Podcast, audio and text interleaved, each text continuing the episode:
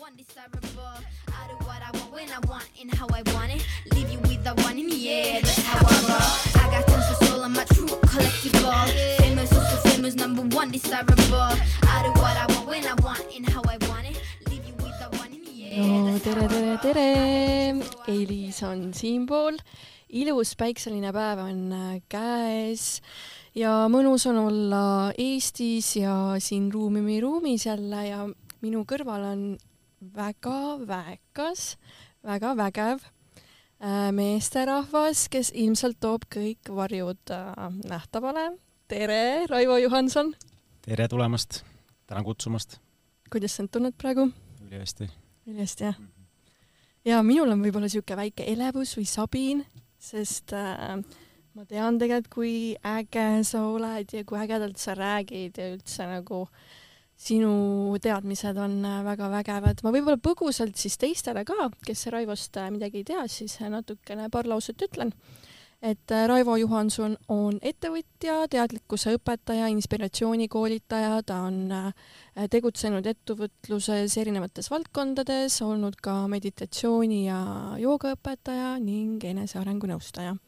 ja ta korraldab ka siis erinevaid äh, selliseid teadlikkuse sündmuseid nagu väe- ja vaikuselaagrid ja ta on veendunud, et sisemise rahu ja tasakaalu äh, tasakaal on äärmiselt olulised edukaks toimetulekuks ja rahuloluks. ma arvan, et äh, need on need väärtused, mille põhjal ma tegelikult ka Raivot kutsusin siia ja lisaks sellele on ta kindel mees podcasti saatejuht, nii et ma räägin siin äh, teise saatejuhiga täna ka. Et äh, võib-olla saame isegi põrgatada podcasti teemadel natukene äh,. aga ma olen üks, ma arvan, esimesi, kes äh, noh, kuidas muidugi seda tean, aga kohe, kui kindel mees oma esimese saatega välja tuli, ma olin kohe Youtube'is ja hakkasin vaatama, et et ma olen kõik nagu ära kuulanud ja mega-mega sisukad on olnud ja head, et see on alati nagu see, et et oleneb, kuskohast nagu teha neid eh, saateid, et sa võid alati nagu välja lasta, on ju, neid, aga, aga alati nagu olenebki see, et kuskohast see nagu tuleb, igatahes mul on suur au, et sa siin oled minuga täna. Ja kes teab, äkki hakkan äh, samamoodi siin äh, pisaraid valama, nagu äh, sa Kris Kala ühes episoodis nutma ajasid, et et sinu kohalolu on juba äärmiselt nagu aktiveeriv ja ma peangi vist võib-olla tooma sealt tagant äh, taskurätikud väga selline huvitav ja väekas sissejuhatus muidugi. et äh, aitäh selle eest veel kord, et äh, oli võimalus tulla, mul vahepeal korraga tekkis see küsimus, et äh, podcast Ausad naised, et äh, mis hetkel need siis äh, muutusid, et hakkasid mehed hoopis käima, et kas alguses olid ainult naised või? Aa, kusjuures sa küsid sama küsimust, mida eelmine külaline küsis ja Ah, ja okei. täpselt. mul on äh, mehed juba varasemalt ka käinud ja kusjuures sina oled ka ju kuulanud äh, Ainarit minu arust äh,. oled ju minu saateid ja, ja, ja mul on käinud Asse Sauga ja mul on ikka käinud neid mehi, et ma ikka aeg-ajalt äh, kutsun nagu sisse meesenergiat ka jaa, et, et au- ausad naised on lihtsalt nagu bränd, brändi nimi, aga nagu äh, ma leian, et siin saavad mõlemad äh, kõik, et teil ka ju tegelikult enamus on ju naiste, naiskuulajad. jaa, et kaheksakümmend kaks protsenti vist. no ikkagi väga-väga palju. ja et äh, täitsa imestama, imestama paneb, sellepärast et äh, see podcast sai ju rohkem meestele ikkagi loodud Mm -hmm. aga ilmselt siis naised kuulavad, lähevad mehe, koju meeste juurde, et räägivad neile, mis tegelikult on siis.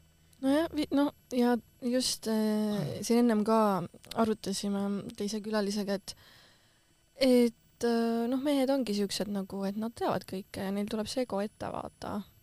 et nagu ma tean kõike ja mul ei ole vaja jaa, ma olen ka selles kohas olnud, et ma arvasin, et ma olengi maailma naba. ja siis ma sain aru, et ma ei tea mitte midagi. mm. -hmm. et see oli hea koht äh, kukkuda siis. ja, jah ähm,. Ma mäletan muidugi sind koos äh, Tiit Trofimoviga mingeid üritusi koos tegemas ja te olete nagu kaks täiega, täiega erinevat persooni energiat, aga lahe, et te nagu loote ja teete nagu inimestele ja tõstate nagu mõlemad tegelikult omal viisil.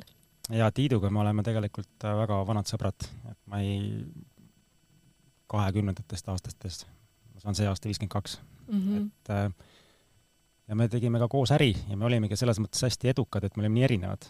sellepärast, et äh, noh, Tiit tegeles nende asjadega, millega mul üldse ei meeldinud tegeleda, mina tegelesin nende asjadega, millega Tiit ei meeldinud tegeleda. ja see tegelikult äh, lõigi see, sellise hästi tugeva sümbioosi tegelikult, et äh, meis kõigis on ülim potentsiaal ja unikaalsus ja me tahame kellegi teise moodi olla, aga kui me avastame just seda, kes me ise oleme, see nagu on väärtus, see on vägi tegelikult mm. -hmm nõus, nõus. ja kui me leiamegi nagu sellise äripartneri kõrvale, kes nagu on meie selle sümbioosiga kuidagi sobiv, et siis on nagu eriti lahe. et jaa, aga lähme siis võib-olla natuke ajas tagasi. jaga võib-olla natukene sügavamalt, kust sa tuled, milline on, milline, milline oli sinu mineviku sina ja nagu sa tead, siis meil nagu kujuneb väiksena välja nagu see äh,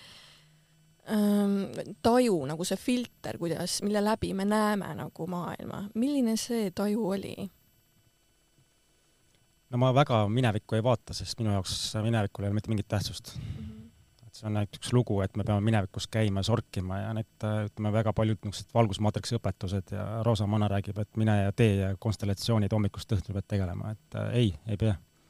täitsa vabalt võid valida praeguses hetkes äh, täiesti uuesti asju aga jaa, olen nõus, et raske on valida, kui ei oska ja kuidagi kinni oled selles minevikus. kui ma vaatan nagu mineviku peale, siis äh, ma selles mõttes olen väga heasse kohta jõudnud, et äh, ma olen sellega rahu teinud. ja see on üks ma usun, et see on väga hea koht. jaa, sellepärast, et eks see minevik on väga tugev mõjutaja, et vaata, milline ma siis olin ja vaata, mida ma siis tegin ja vaata, palju ma haiget olen teinud ja mingid lood mängivad siin taga ja vaata, vaata, kui palju ma olen siis süüd tundnud ja häbi ja niisugune ohvrimentaliteetsus siin taga täiega, et äh, ei pea, ma näen, et nii paljud programmid, mis meil siin sees on, need ei olegi enda omad üldse. ja siis on hästi huvitav koht, et aga miks ma annan oma väge sinna üldse ära, näiteks kui see ei kuulu üldse mulle. vaid see on mingi kollektiivne mingisugune programm, millele ma annan oma väge ära, et äh, siis ma ütlesin, et ma ei anna. see, mis on minevikus toimunud, see on okei okay.. ma elan praeguses hetkes siin ja ma võin igas hetkes kõike muuta.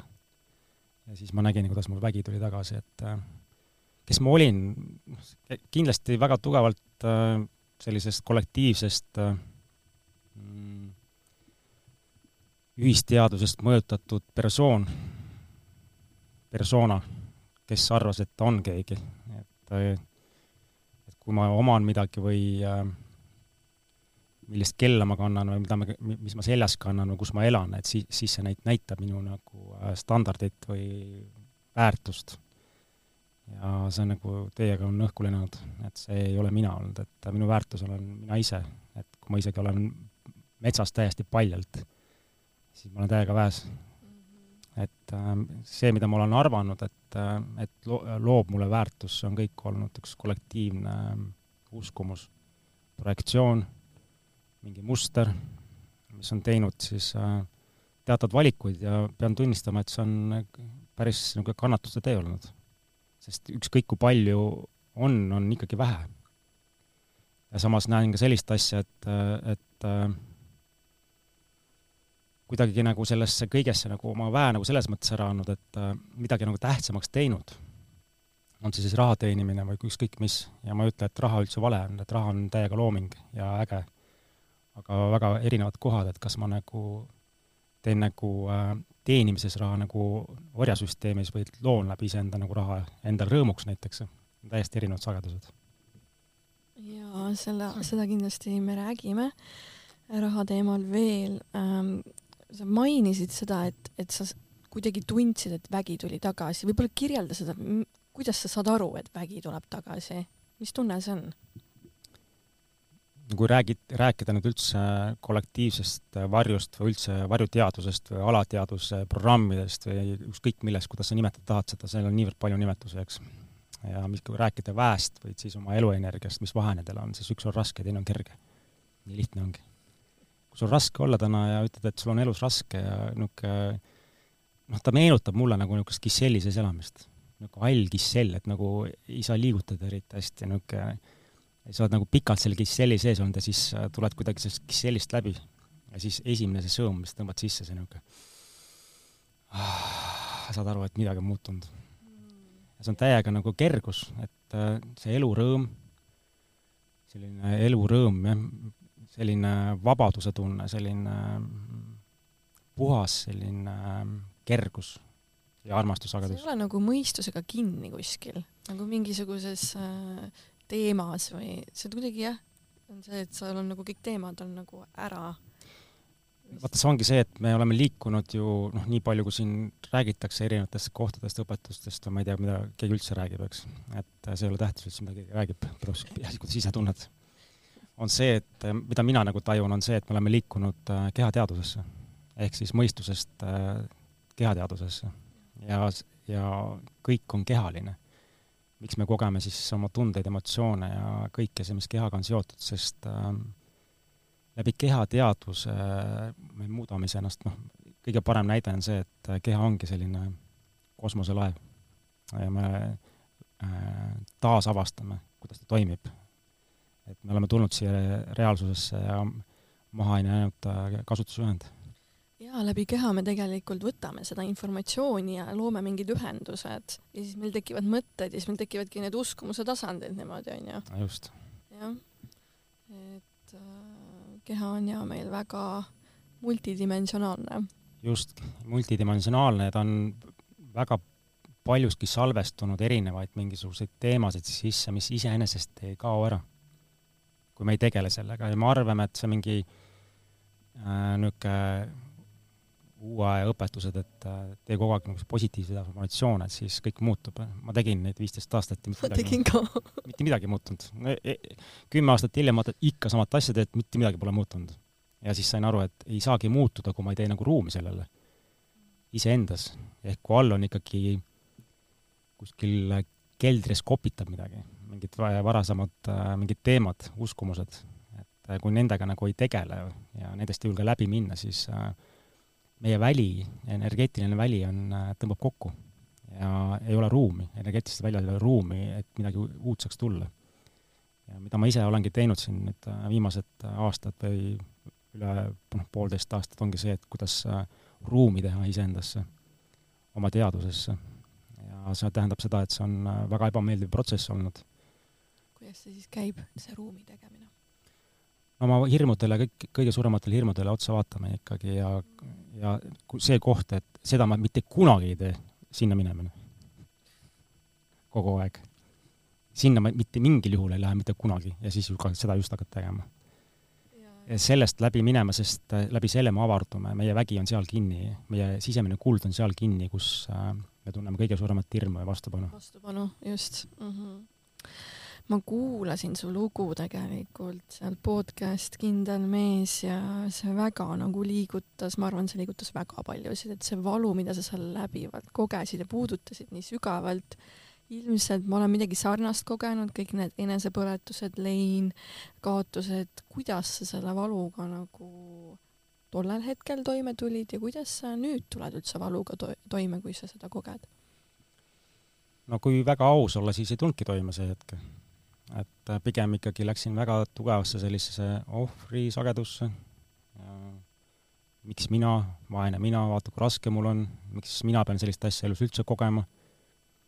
ja noh, need valused on olnud, et noh, see viimane nüüd äh, valu, kui tütar ära läks, ta ei olnud isegi nii dramaatiline, kui naine kunagi autoõnnetuses surma sai ikkagi et see oli nagu täiesti laastav minu jaoks ja see oli selline, et äh, jääd äh, väikse tütrega kahekesi nagu ja, ja siis nagu see ohver on ikka nii tugev seal sees, et elu põletamine, kõik need äh, mõnuained, alkohol, noh, kõik asjad, et ja miks, sest tundlikkus on suht kõrge, sa ei, ei suuda lihtsalt äh, hakkama saada selle valuga. sest valu on nii suur ja tuimestad, lihtsalt tuimestad, lihtsalt tuimestad ükskõik söö, söömisega või seksiga või ükskõik millega või ületöötamisega või või sportimisega, vahet ei ole, aga lihtsalt, et seda valu tuimestada enda sees. ja see on, see on raske olnud pean tunnistama, et oligi hetki, kui tundsin, et ei saagi hakkama. ja oligi hetki, kus tundsin, et, et lihtsam on ära minna, teha exit sellest elust. aga alati see hetk, kui ma nagu tundsin, et, et see valu on nagu liiga suur ja ma enam ei suuda ja alistusin sellesse, siis tekkis alati mingisugune uus õhk, ma ei tea, kuskohast see tekkis, et lihtsalt tuli jälle ja siis tekkis mingi taipamine jälle. ja, ja ma näengi tegelikult, et läbi alistumise see, see meie vägi kuidagi tagasi tulebki. nii kaua, kui me kontrollime, ehk me tegelikult kontrollime seda, et meil on hirm millestki ilma jääda. ja nii kaua, kui me kontrollime seda, kui me kardame millestki ilma jääda, me anname oma väe sinna tegelikult ära ei usalda, et me loome ise elu. ehk tegelikult äh, iga kord, kui me kontrollida soovime, ükskõik mida, siis tegelikult me kontrollime ainult iseennast, sa võid arvata, et sa kontrollid midagi, sa ei kontrolli tegelikult mitte midagi see on ainult üks äh, meeleprogramm, et sa arvad, kontrollid. et kui sa arvad, et sa kontrollid ennast, siis proovi oma hingamist kontrollida, et tund aega ära hinga, siis vähemalt vaata, mis saama hakkab. ehk sa ei kontrolli tegelikult mitte midagi. aga kui sa suudad alistuda sellesse kõigesse, et on nagu on ja ma usaldan elu, et ma loon seda ja, ja lihtsalt nagu astun ja vaatan, mis saab, siis hakkab elu nagu uuesti pakkuma, et äh, ja see on nagu tagantjärgi vaadates on need äh, kõige suuremad valukohad ikkagi minu elus on olnud kõige suuremad kingitused. seda on nagu, mõistusega on sellest hästi raske aru saada, aga see oli see la-, niisugune äratuskell mulle, et kuule, ärka nüüd üles, et sa oled liiga kaua maganud. Kaua sa veel magad, et see on niisugune nagu koolikell on kõrva äärest, paneb niisuguse tirina, et sa lihtsalt ei kannata seda välja ja lähed nagu loomulikult reaktsiooni protsessi ja viha tekib sinna sisse ja kõik asjad, eks. aga lõpuks ta äratab su üles ja siis sa näed, et sa olid tegelikult sa magasid üldse? mis, mis tunne see siis oli, issand jummel, et sa nagu avastasid, et ma magan nii pikki aastaid. seal võib ka omamoodi ju tekkida tegelikult ju selline enesesabotaažilik äh, reaktsioon. minul küll olnud. ikka tekib, seal tekivad erinevad tunded üles, et äh, miks ma magan, kes mind magama pani, need mingid nagu erinevad kohad tekivad sinna ülesse. aga kui ma juba näpuga näitan välisele, siis ma juba vähendan iseennast ja annan oma väe ära, sellepärast et siis ma juba ütlen, et äh, see kõik on välispidine. aga suures äh, pildis me tuleme kõik ühest kohast neid kogemusi saama siia maailma. ja see on ilus koht, kui sa nagu jõuad lõpuks sinna, et sa näed enda kogemusi kõige kingitusena, et äh, see on varem või hiljem me jõuame kõik sinna, see on kindel. lihtsalt äh, vaba valik kui kiiresti sa tahad sinna jõuda ja, ja kui pikalt sa tahad magada veel. jah, vastutuse koht jälle või sihuke, noh, e-, eks igal hingel on nagu oma tee muidugi, et ei ole ka nagu see, et et keegi peab kiiremini jõudma või nagu just, et see ongi vaba valik ja ei saagi, et noh, New Age õpetused on ka see, et mina olen sinust parem ja kui sa mu järgi ei tule, siis ma jätan sind maha ja mingid nagu erinevad nagu mõistmine on see, et igaühel on oma tempo ja kui sa vaatad nagu noh, ka kooli näiteks, eks, et äh, erinevad klassid, esimene või üksteist klass või seitsmes klass, mis tähtsus seal on, mis see parem siis on? ei ole ju tegelikult. aga meil on nagu see egokeskses reaalsus on see, et mina tean sinust rohkem. ma olen kaheteistkümnendas. jaa, mina olen kaksteist B, sa oled kaks, üksteist A, sa oled palju nagu nõrgemas kohas praegult. et noh, see egoprogrammid on nii tugevad ikkagi. tegelikult ei ole vahet ju, kes keegi on, igaüks, iga isiklik rännak, et üldse ei ole tähtis, kus keegi teine on, iga kord võid küsida, kus ma ise olen. see on nagu see hea koht enda käest küsida kogu aeg, kus ma ise olen praegult. mis see, mis siis, et tema seal on? kus ma ise olen? Muidugi noh, meil on praegu ju tänapäeval väga palju seda teistega nagu võrdlemist, ma mäletan ise, kus ma olin selles nagu ringis, et noh, ongi ju, meil on see sotsiaalmeedia on ju täna, vaatamegi, kuidas teistel läheb, lihtsalt panevad ainult mingeid ilusaid, ilusatest hetkedest pilte ja siis saboteerime iseennast, et me, miks ma selles kohas olen, vaata. no just, eks see võrdlemine on ka selline lapse sagedus, et äh, nagu, et vaata, kuidas neil on ja nagu ohvrit ka natukene viskab sisse siia, et äh, vaene mina jälle, mul on nii raske. Teistel on palju lihtsam elada just. aga kuidas sa oled tervendanud enda sisemist äh, poissi läbi selle perioodi või siis ka praegu? eks see on kõik üks osa sellest äh, iseendaga kohtumisest ikkagi, ma näen, et äh, kindlasti, mida ma enda elu kohta saan öelda, et midagi pole valesti olnud. punkt. et kõik on alati õige. See sõltub jälle sellest, et kuidas äh, ma reageerin ja kuidas ma äh, nagu siis äh, vaatan seda situatsiooni ja olukorda, eks. kas ma vaatan seda väest, kui, mida see olukord mulle tegelikult andis või vaatan siis kuskilt varjuteadusest, et vaata, kui halb mul see oli. tagantjärgi vaatad, et äh, tegelikult kõik on ju ülimalt vajalik olnud, et üldse siia jõuda. et see on ka hästi huvitav uskumus, et, et, et see elurännak peaks nagu selline olema, et kogu aeg on nagu päike väljas ja fun'id nagu on ju, jumala igav hakkab. ma olen olnud selles kohas. elasin, palisin mingi aeg ja nagu noh, hommikust õhtuni paistab päike, mangod on ju, kõik puuviljad, teisel kuul juba tundsin, et jumala igav hakkab.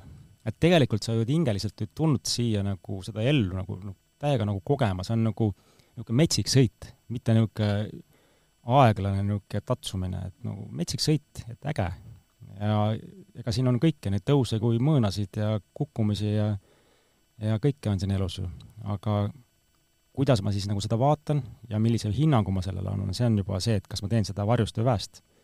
väes olles sa ütled aitäh kõigele, üliäge, üliäge, üliäge on sõit see ikkagi olnud, on ju. ja, ja noh, tõenäoliselt nii ongi. aga ma usun, et need te-, taipamised kuidas äh, me iseendaga kohtume, kas oma sisemise lapse või sisemise poisi või tüdrukuga, see on isiklik rännak ikkagi. ja minu puhul ta oli ikkagi selline, kuidas ma siis ütlen, esialgu hirmutav äh,, ebamugav, sest ma nägin, et ma ei ole oma sisemise poisiga üldse tegelenud, ma olin pigem ta ikkagi kuskil nurka jätnud, lihtsalt äh, vedelema. kuna sa seda taipasid? ma hakkasin kaks tuhat kuusteist äh, tegema selliseid meditatsioonirännakuid äh, ja rohkem meditatsiooniga tegelema, et oma sisemaailma muutmisega, kuna mul oli väga raske nagu kujustada ja visualiseerida, siis äh, siis need kogemused aitasid mul kuidagi avardada seda, seda maailma nagu. ja siis need äh, kiht-kihiti nagu mi-, sügavamale minekud ja kohtumine oma sellise sisemise lapsega, see oli valus ja ilus, sellepärast et sealt tuli ikka väga palju kurbust välja, kui palju ma olin teda tümitanud, kui palju ma olin, olin teda maha surud, surunud, kui palju ma olin teda kuidagi madaldanud, kritiseerinud, hinnanguid andnud, noh, et see kõik, mida sa teed, sa teed iseendale tegelikult, eks. ja kui ilus oli see uuesti kokkusaamine.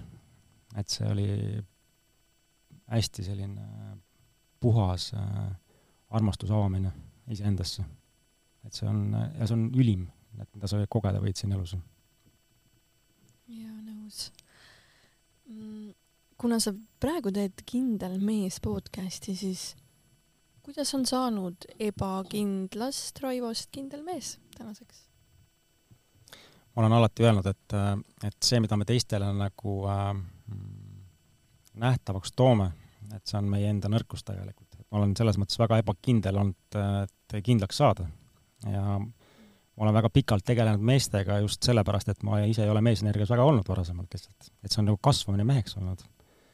et ei ole sellist asja, et ma nüüd olen valmis ja nüüd ma räägin kõigile. see on pigem ikkagi teekond, et kui sa täna nagu näed, et sa mingi teema on sinu jaoks nagu oluline, siis sa, sa teed seda ikkagi iseenda pärast. ja mina neid asju tegelikult olen kõiki teinud iseenda pärast, mitte teiste pärast ja need, kes on resoneerunud, on kaasa tulnud.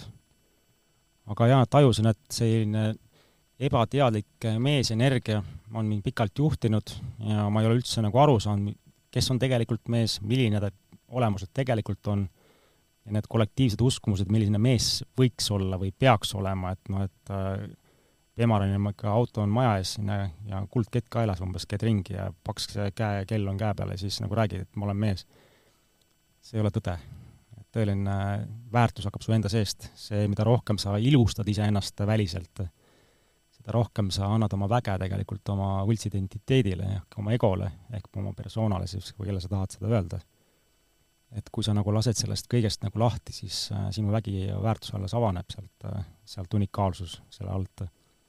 aga olen nõus, et ma olen hästi tugevas sellises egokeskses äh, reaalsuses elanud väga ebakindel olnud väga sellises naisenergias olnud, sellepärast et äh, see on ka kollektiivselt väga paljud mõjutatud ikkagi. väga paljud naised on meesenergiasse läinud ja mees, mehed on naisenergiasse läinud. aga täna, kus me oleme, ma usun, ongi see, et me võtame nagu äh, oma väge tagasi, nii naised kui mehed, ja äh, polariseerume õieti ära jälle, et äh, kõik muutub õigeks jälle. Jaa, loodame tõesti, sest et noh, praegu on väga ju populaarne unisex, miks igasugused sood on ju, et et loodame ja et see polariseerimine nagu tuleb, on ju äh,. tahtsin midagi öelda ennem äh, seoses selle mm, transformatsiooni hetkega sul, ma tean, et sa kõndisid kuskil metsas ja sul, sa tundsid mingil hetkel, et sul nagu teadvus nagu läks täiesti teist, et sa nägid nagu igale poole ja seleta seda nagu hetke, et kuna sul nagu teadvus niimoodi shift käis nii-öelda. nojah, vaata need asjad tulevad ju nii, et sa ei tea neid ette, eks yeah et see juhtus peale seda, kui mu tütar oli lahkunud siit kaks tuhat neliteist aastal ja, ja kolm, noh, see šokk oli, sisemine šokk oli nagu nii suur. sa kaotad lapse, eks noh, et see on, ma arvan, üks äh, raskemaid kogemusi üldse elus, et äh, lihtsalt nagu täielikult äh, lahti laskmine. et see on nagu ülim äh,, ülim nagu, nagu kogemus ja ülim äh, raske kogemus. ja ma ilmselt siis ajukeemias midagi juhtus või muutus, et äh, ma lihtsalt läksin kolm päeva peale seda või kaks päeva peale seda läksin äh, lihtsalt äh, Harku metsa jooksma. ja lihtsalt jalutana tunnen, et noh, teadus muutub või midagi, midagi muutub, pilt muutub, kuidagi pilt muutub laiemaks, lai ekraan muutub või ümber, ümber pea tekkis üldse nagu kõiki asju näed korraga, kuuled, liblikas lendab, kuuled, kuidas liblikas lendab aegluubis sinust mööda, näed kõiki asju, tead kõiki asju ja siis nagu ehmatad lihtsalt ära, ütleme siis sisemine mõistus või saboteerija läks nagu täiesti nagu errorisse ja ütles, et mis nüüd juhtub, et suren ära või. aga samas oli nii hea olla. niisugune tunne nagu, et äh, lihtsalt tõused õhku praegult, et äh, nagu nii hea on olla. aga hirm tekkis ka taha ikkagi ja siis ütlesin, et ükskõik, mis ka ei ole, et aitäh selle kogemuse eest, aga ma ei ole selleks hetkel veel valmis. ja siis äh, noh, see päev lihtsalt käisin ringi ja tundsin, et midagi on täiesti ära muutunud ja siis ka teine või kolmas päev tõmbas tagasi alla. ja nüüd ma näengi, et anti nagu kogeda seda, kuhu ma nagu lõpuks jõuan siis mm,. väike nagu tükikene. jaa, et äh, ma isegi, noh, kuna ma kunagi käisin, ütleme, sellisel äh, rännakul, taimsel rännakul, siis äh, ma küsisin ka, miks ma sinna üldse lähen. miks mul seda vaja on, sest tegelikult ma ei ole väga käinud ja siis tuli kindel sõnum, et ma pean minema siis äh, see, mida ma kogesin seal, oligi see, et äh, oma vaimset võimekust ja kuhu ma nagu elus võin jõuda. ja miks see oli mulle see hetk nagu vajalik, oli see, et äh, kui ma näen, et ma täna võidan nagu maratoni ära, siis on palju lihtsam trenni minna. sa ei ela enam sellises ohvris, vaid okei okay,, ma tean, et kuhu ma jõuan. ja mõnikord elus on need hetked, need annavad sulle märku, et jaa, et kui sa nagu iseendaga nagu tegeled ja, ja iseenda eest võtad äh, sellise vastutuse ja ja usud sellesse, kes sa päriselt nagu oled, siis sa ärkad ja koged siin selles reaalsuses, kus sa täna oled, midagi täiesti teistsugust, kui sa oled arvanud, et see elu üldse võiks olla. ja ma olengi tajunud, et ma tegelikult ei olegi elanud. ma arvasin, et ma elasin. see, kui ma arvasin, et äh, kõik on olemas ja nii edasi. täna ma ütlen, ma ei elanud siis ma magasin. ja see uni oli ikka väga nagu sügav. ja sellest unest üles ärkamine ongi nagu natuke ebamugav olnud ja need situatsioonid, olukorrad, kus sind raputatakse siis, need mingit moodi nagu äratavad sind uuesti üles tõesti ja siis hakkad, nüüd on see koht, kas ma tahan ärgata, ma tahan uuesti unne minna jah, seal tekib siis nüüd see valiku koht, kui korraks on nagu sest äh, eks see ärk-, ärkamine, noh, kui sa oled pikalt maganud, eks nagu karu magad seal ja siis ärkad, talvel tuleb keegi, äratab sind üles, mis sa teed siis, eks. esimene reaktsioon on, et sa lähed äh, kohe ju raevu vihaseks ja hakkad ründama, aga tegelikult äh, sa ärkad ellu. see on huvitav koht, ma ärkan ellu. ma arvan, et ma elan ja tegelikult ärkan ellu. siis äh, jah, võib-olla need äh, päiksekiired, mis nagu soojendavad siis selle ja tekib nagu äh, niisugune äh, elulisus sisse sinna, siis see kutsub või tõmbab kuidagi, et okei okay,, ma lähen vaatan, mis seal on siis. jaa, ma arvan, ma ise olen ka midagi sellist kogenud mingitel kindlatel noh, mida, noh, mitte nagu nii intensiivselt, aga mingid momendid on küll, et oota, kus ma olin praegu ja mul niimoodi mingi ajus toimus midagi, aga aga siis ta nagu tuleb tagasi, onju et ma olen ka midagi sellist kogenud. aga läbi kõik need elukogemused, mis sa oled nüüd kogenud, kas nüüd sa võid öelda, et mille pärast sa nii-öelda siia maailma oled kehastunud? no see on väga hea küsimus jälle ja ma endiselt ikkagi ei tea seda vastust. ma küll tean, et, et ma, kuhu ma hetkel olen jõudnud ja see on huvitav, see, see muutub kogu aeg. Kuidas ma täna näen seda, siis homme on hoopis teistmoodi. ja see ongi huvitav, seal ei ole mitte mingit tähtsust. sellepärast, et äh, see hetk, kus ma praegult olen, see on oluline. mis tulevikus hakkab saama, siin ei ole mitte mingit vahet enam. ja see, mis oli, siin ei ole ka mitte mingit vahet kuidagi, kui elada üldse sellest kohast, et äh, kui võtta ära nagu eile, täna ja homme, kui hakata niimoodi elama üldse, et võtta minevik, äh, olevik ja tulevik ära, lihtsalt on. milleks siis keskenduda, mis oli ja mis saab? see tõmbab nagu hästi kohale tegelikult. tõmbab, jaa.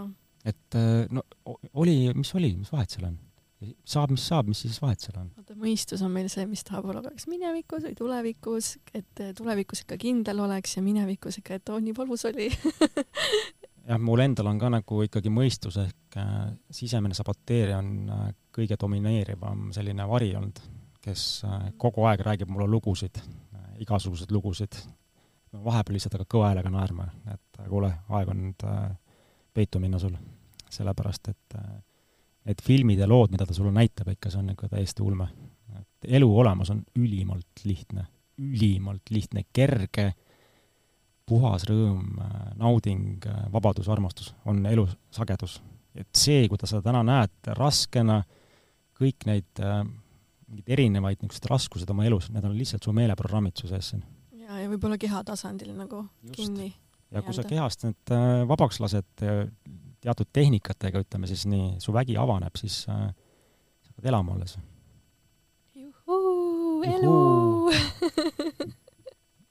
äge, on see lihtsalt, et, äh, et aina rohkem inimesi ärkab täna, ma lihtsalt näen seda enda ümber.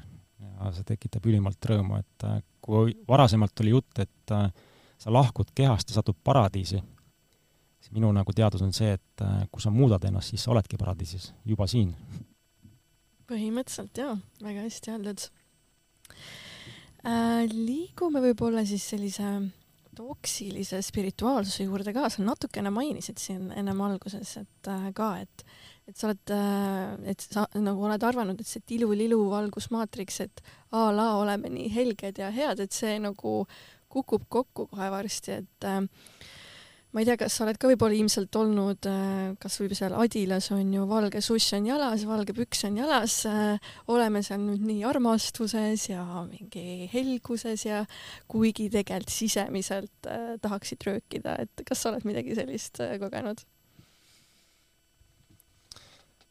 nojah, eks ma ei annaks jälle hinnangut, sellepärast mm. et see etapp minu elus on olnud ka väga vajalik. Et see on aus vastus, et Äh, kui ma annan juba hinnangu, siis ma annan väe ära, nii lihtne see ongi tegelikult. et järelikult midagi ärritab, nii lihtne ongi, eks, et see kõik on ju vajalik olnud. et iseennast võib-olla rohkem märgata, et äh, näha ka võib-olla õpetusi, mis tegelikult ei toimi, et leida siis äh, iseenda sees see tõde üles, mis päriselt toimib. Ja mida ma noh, enda puhul nagu nägin, et väga palju andsin ütleme, nendes võltsspirituaalsete õpetustele andsin ära oma väge, et uskusin neid silmad kinni, et ükskõik, mis keegi rääkis, see on puhas tõde. Ja eriti ei keskendunud sellele, mis, kes mina ise olen ja kuidas ma ise näen seda reaalsust. et loen raamat läbi puhas tõde, see on puhas tõde, see, mis tema räägib, see on puhas tõde, ja siis üks hetk mul tuli nagu selline nagu taipamine, et aga kuskohast see info on tulnud? okei okay,, Buda kunagi kanaldas ta sisse, eks. aga mis siis, kui me oleme kõik uued budad siin selles reaalsuses? igaüks äh, loob ise oma teadusest, oma puhtast teadusest äh, seda kõike kollektiivselt, mida me kogeme. okei okay,, aga seal olid võib-olla mingid äh, siis tööriistad, aga kust tuleb see info, et ma ise ei saa tööriista luua endale? ja ma olengi nagu ise rohkem läinud sellest, seda teed pidi siis, et mitte väliselt liigselt seda infot sisse võtta, vaid ise avastada, iseennast just, oma sise nagu äh, kosmost. et kuidas ma ise toimin ikkagi rohkem, et noh, see nõuab võib-olla rohkem pingutust, pühendumist, aga kui, kui sa nagu pühendud ja, ja päriselt nagu soovid, siis on võimalik nagu täiega imesid luua. ja ma ütlengi, et kokkuvõttes sa ju, sa elad ise, sa lood ise seda kõike ja see, mis välisel on, sellel ei ole mitte mingit tähtsust. sa mingi hetk lihtsalt astud sellest kõigest välja ja see ei mõjuta sind enam. ja nii kaua, kui sa oled nagu uskumustes sees, sa võtad väga kõike väga tõsiselt, usud sellesse kõigesse ja annad ära oma väe, siis sa oledki selles kogemuses nii kaua, kui sa lõpuks saad äh, taipamise, et sa ei pea rohkem olema seal. et ma tegelikult äh,, mis seda nagu see äh, võltsspirituaalsuse kohta või ükskõik, kuidas me seda nimetame, või valgusmaatriks või roosa manna, see on tegelikult mul vajalik olnud elus, et ma nägin, kuidas ma andsin oma väe sinna ära väga paljuski ei võtnud elus enam vastutust, mu rahaloome läks väga tugevalt kinni, et ma just naersingi siin üks päev, et ühed suuremad äh, rahaloomed olid noh, põhimõtteliselt nagu pool aastat enne seda, kui ma läksin sellesse valgusmaatriksi sisse. ja, ja, ja rohkem ei, siis kukkus täiesti kokku kõik. ja see oli siis see, et aga raha ei olegi enam vaja siin maailmas ja ja siis salaja käisin kuskil kursustel vaatamas, kuidas küllust luuakse ja kuidas need külluseteaduse õpetused ikkagi toimivad ja et mitte midagi tegema ei pea, lihtsalt istud ja siis manifesteerid ja kuld kukub pähe sulle kohe, istud ja ootad, no ei juhtu, no esmaspäev ikka ei ole midagi juhtunud, eks. ja siis räägid lugu, et tegelikult ei olegi mitte midagi vaja ja sellest piisab ja nagu täiesti puuduse teaduse nagu, nagu lä-, nägin läbi. ja näen kuidas väga paljud on sinna kinni jäänud, aga seal ei ole mitte mingit tähtsust jälle, igalühel on oma tee. Ja üks koht, mida mina võib-olla nendes spirituaalsest, spirituaalsetes ringkondades ära ei tabanud, oligi see, et äh, ei ole midagi, kõik on nii helged ja head, et äh, nagu algul tundub, et ma väga palju nagu usaldasin mingeid inimesi tagasi vaadatuna ja ja ma nägin, et mingid inimesed võib-olla olid nagu ego lõksus äh, seal olles et äh, ja oligi see iseenda väe nii-öelda ärakaotamine ka onju, et mingit ege-, egregori siis jumaldamas seal äh,, aga päriselt ennast näidata nüüd, kes äh, mina olen inimesena, seda ei julgetud, vaid mindi siis mingi valgustöötaja nagu rolli. et äh, ise siis võib-olla vaeveldes hoopis mingisuguse no ei tea, noh, käitumishäire all või siis mingi muu raskuse all, vaata. et äh, et noh, ma tõemeeli arvasin, et äh, need inimesed on seal puhaste koodidega inimesed, aga see oli mulle ka hästi suur õppetund.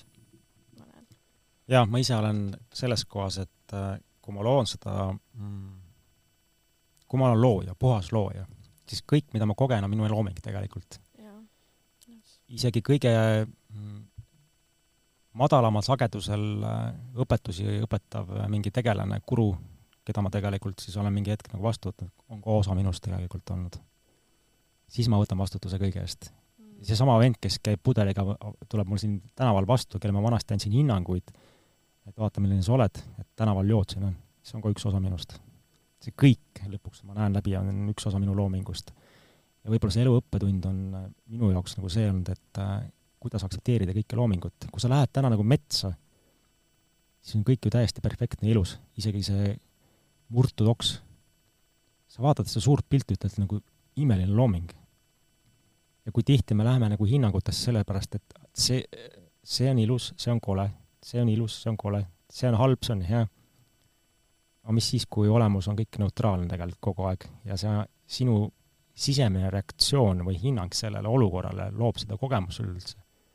ma täna nagu näen näiteks inimene, kes tuleb tänaval vastu, joob alkoholi, siis täiega mäletan, ma olin kunagi samasugune. tänan, et ma jõu-, olen siia jõudnud lõpuks. või et see, et ma kunagi käisin ringi ja ütlesin, et ma olen äh, jumal ja ma päästan terve maailma üksinda ära. ja täna nähes äh, selliseid tegelasi, siis ma ütlen, et vau, ma olin ka kunagi selline. väga äge, et ma olen sellest nagu läbi nüüd lõpuks tulnud. eks see tegelikult äh, hinnangute lõpetamine iseenda loomingu suhtes tegelikult on äh, vägi, et sa lõpuks näedki läbi, et äh, ma tegelikult olen selle mängu ise loonud, et mäng oleks huvitavam, siis ma loon nagu erinevaid äh, tasandeid siia sisse, et ise oleks endale ka nagu lõpuks lõbus. äge naerda kõige peale jaa, see on äge, kui niimoodi nagu seda elu nagu näha, aga mõnikord lähme ikkagi nagu nii inimese tasandile ja selle nagu, mis meil praegu siin ees otsa vaatab, et siis lähme nii sellesse sisse, aga äge on nagu vahepeal tulla nagu nendesse tasanditesse, kõrgustesse ma lihtsalt äh, täiendan, et ma, kui ma olen nendest kihtidest nagu läbi läinud ja näiteks üksinda oled noh, olnud iseendaga koos, on ju, siis kõva häälega nagu naerad. ja see on nii naljakas, et kuida-, kuidas ma olen nagu seda uskunud üldse näiteks või miks ma sinna olen oma väge nagu ära andnud ja miks ma ei ole seda nagu läbi näinud, eks. ja lihtsalt iseendaga oled koos ja kõva häälega naerad, ilmselt kui keegi kõrvalt vaataks, ütleks, et sellel vennal on küll tabletid võtmata ja hullerisse ära kohe viia vaja. kohe hullerisse jaa, no mida, üks asi veel, mida mina panin tähele, et ähm, et võib-olla see New Age siis soodustas seda tubli olemist ka, ma tean, et sina sellest räägid väga palju, et äh, paljudel inimestel on tendents nagu sees hoida, eriti just Eesti inimestel, ja isegi on olemas selline reaktsioonimuster nagu seeshoidev reaktsioonimuster äh,. ja siis tuleb see veel see ühiskonna surve, et ole nüüd tubli, aktsepteeritud ja kui ma lä äh, olen läinud siis nendesse ähm, äh, noh, nendesse ringidesse, mõtlen, et ma lähen arendama ennast, siis äh, pärast on see, et äh, ma ikkagi hoian kinni oma viha, ma olen seal jälle ikkagi see tubli ja korralik, onju, ja ja seal on ka ju see, et oleme nii helged ja vaimsed ja head ja toredad, aga siis lõppkokkuvõttes ma lähen veel koju nagu veel allasurutumana noh, see oli nagu minu selline äh, kogemus sellest äh,, nendest ringidest. ja mul kuidagi tuleb see sõnum siis, et äh, elu olemus on ehedus, et ehedus on alati tões elamine. kui ma valin äh, mitte ehe olla ja ma mängin mingit rolli, ükskõik keda siis, on see siis egokeskne spirituaalne õpetaja või täiesti tavaline garaažitöötaja, ükskõik mis, aga ma ei tee seda puhtast kohast, siis see on vales elamine. punkt et äh, kui sa täna näed, et sa ei ole ehe, sa ei julge nagu äh, ehe olla. ma enda puhul olen täiega neid programme õhku lasknud, et äh, noh, mingid äh, New Age'i õpetused ka, et teisi peab teenima ja sina ei ole tähtis ja, ja teisi peab tõstma kogu aeg ja, ja mingid nagu, et kuskilt tuleb ja annab ja mingid nagu imelikud kohad, eks, siis äh, sinu ehedus on ülimalt külgetõmbav kus sa isegi julged oma viharaevu teadlikult nagu välja näidata isegi, see võib väga ilus olla muideks. mul tulid külma, külmavärinad see võib väga ilus olla, ma olen näinud seda enda puhul ja olen ka teiste puhul, et kui sa teadlikult elad viha läbi, siis see on ülitugev nagu selline puhastus, transformatsioon ja puhas loomeenergia, kui sa oskad selle nagu enda jaoks tööle panna. või kurbus näiteks. olen kogenud ülimat kurbust ja see on nii ilus olnud see on päriselt nii ilus olnud ja ma isegi hetkel ütlen selles kohta, ma ei, ma ei ole nagu päris kindel, et kas rõõm on see isi, isegi ilusam, see tunne või emotsioon seal taga on olnud. see kurbus oli nii ilus. ja kui tihti me ütleme siis, et see on ilus, see on ilus, kurbus ja need on vale? me ei ütle ju tunnet või noh, just selliste nagu, võib-olla siis kergelt negatiivsemate tunnete suhtes nagu oh, kui kena või ilus see emotsioon oli, onju. just, ja siis äh, on loodud selline sotsiaalmeedia, kus sa saad siis oma võltsi reaalsust mängida, et äh, kuidagi jah, see, et kunagi Kaido Pajumaa ütles ühes selles äh, podcastis, et mina ka, et mina käisin ka seal reisil Mehhikos, siis on see lennuki tiiva pilt, mina olin ka siin. mina olen ka palil praegult, seisan siin ääre peal, nii ilus on siin käisin ujumas paljalt. mina käisin ka. sa naerad, sa naerad jumala äge siis ma seisan ka oma naise ja lapsega siin. nii õnnelikud oleme. ja siis tegelikult äh, tuleb teraapiasse järgmine päev, ütleb, et pole kaks aastat rääkinud omavahel. siis ma küsin, aga miks, miks sa näitad seda? no et kõik teevad niimoodi ja ma teen, mina tahan ka teha nii aga siis ei ole, sa elad ju vales siis. naer on täiega äge. ma ütlen, et see on ka ehedus, et sa julged naerda nagu, eks, et seda peab häälega naerda, oled sa tähele pannud tegelikult sellist asja, et naerad küll, aga ei julge häält teha või nutad nii, et keegi ei kuule ja jääd kinni. see on inimeseks olemise ole, osa ju, et see on ju kaasa antud. see on sama hea, et sa seda Ferrari'ga ringiga gaasi ei vajuta igaks juhuks, äkki tuleb hääl välja oh my god, kui hea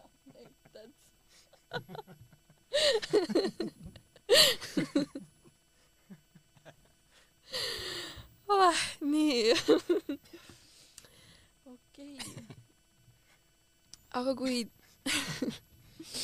äh, tulla siis ähm, ütleme nii, et vaadates ühiskonda üle- üleüldiselt, mis võiks olla teisiti sinu arvates, kui sina saaksid seda muuta? ma ei keskendu jälle sellele, mis on nagu teistel, ma loon ise oma reaalsust. mina olen selle oma ruumi ja oma selle kogu oma reaalsuse valitseja ja mind absoluutselt ei huvita, kuidas teised elavad, ausõna. siis ma näengi tegelikult, et äh, me kõik loome, me oleme üks osa loojatest selles kollektiivses maatriksis ja sa ise valid, kas, kus sa elad täna. kas sa elad raskuses, kannatustes, ma ei tea, puuduses, see on sinu enda valik. ja sul ei ole nagu äh, juhend, juhendit või, või teadmist, et sa tegelikult, sa saad muuta seda läbi ühe valiku, öeldes jah sellele, mis tekitab sul rohkem kergust. ja sa ütled, et aga ma ütlen, aga see ei muutu. ja see ei muutu sellepärast, et sa ei julge enda sees seda saasta ja paska, mis sul siin sees on, seda nagu ära muuta, siis sa ütled, et äh, ma parem elan selle raskusega, selle valuga, mis mul siin sees on, ma olen kuidagi ära harjunud sellega, et äh, ta ju on, aga ma ei julge sellest läbi minna, sest äkki läheb veel raskemaks. minu kogemus on see, et kui sa julged sellest läbi minna, siis selle taga on alati jumalik kergus. alati. täna ma teen ka jätke meelde täna ma teen äh, üks-ühele nõustamisi, siis ma näen, millised transformatsioonid inimestes toimuvad, kui nad päriselt tulevad läbi nendest, nagu niisugused avardumised, et noh, ja enda puhul on samamoodi teinud. see, kes ma olin aasta aega tagasi, kes ma täna olen, see on täiesti ära muutunud. ma olen oma elu eest täieliku vastutuse võtnud ja kõik, mis ei ole täna minu puhas maitse, ma ütlen ei. valin seda, mis on minu puhas maitse.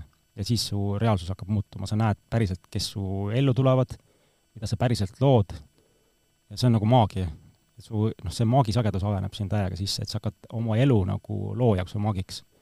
ja see on Mhm. ülim äge rännak, see on kõlab nagu, hästi. jaa, see on niisugune, sa tunned nagu sellist kehalisest äh, külmavärinat sees ja pisarad tahab tulla, sest see on nii ilus kõik. ja me läheme järgmise teema juurde, milleks on raha ja kusjuures raha ongi see teema olnud, mis on mind võib-olla kõnetanud, et ma olen tahtnud tegelikult selle teemaga võib-olla tulla sinu nõustamisele, aga ma ei ole veel seda teinud.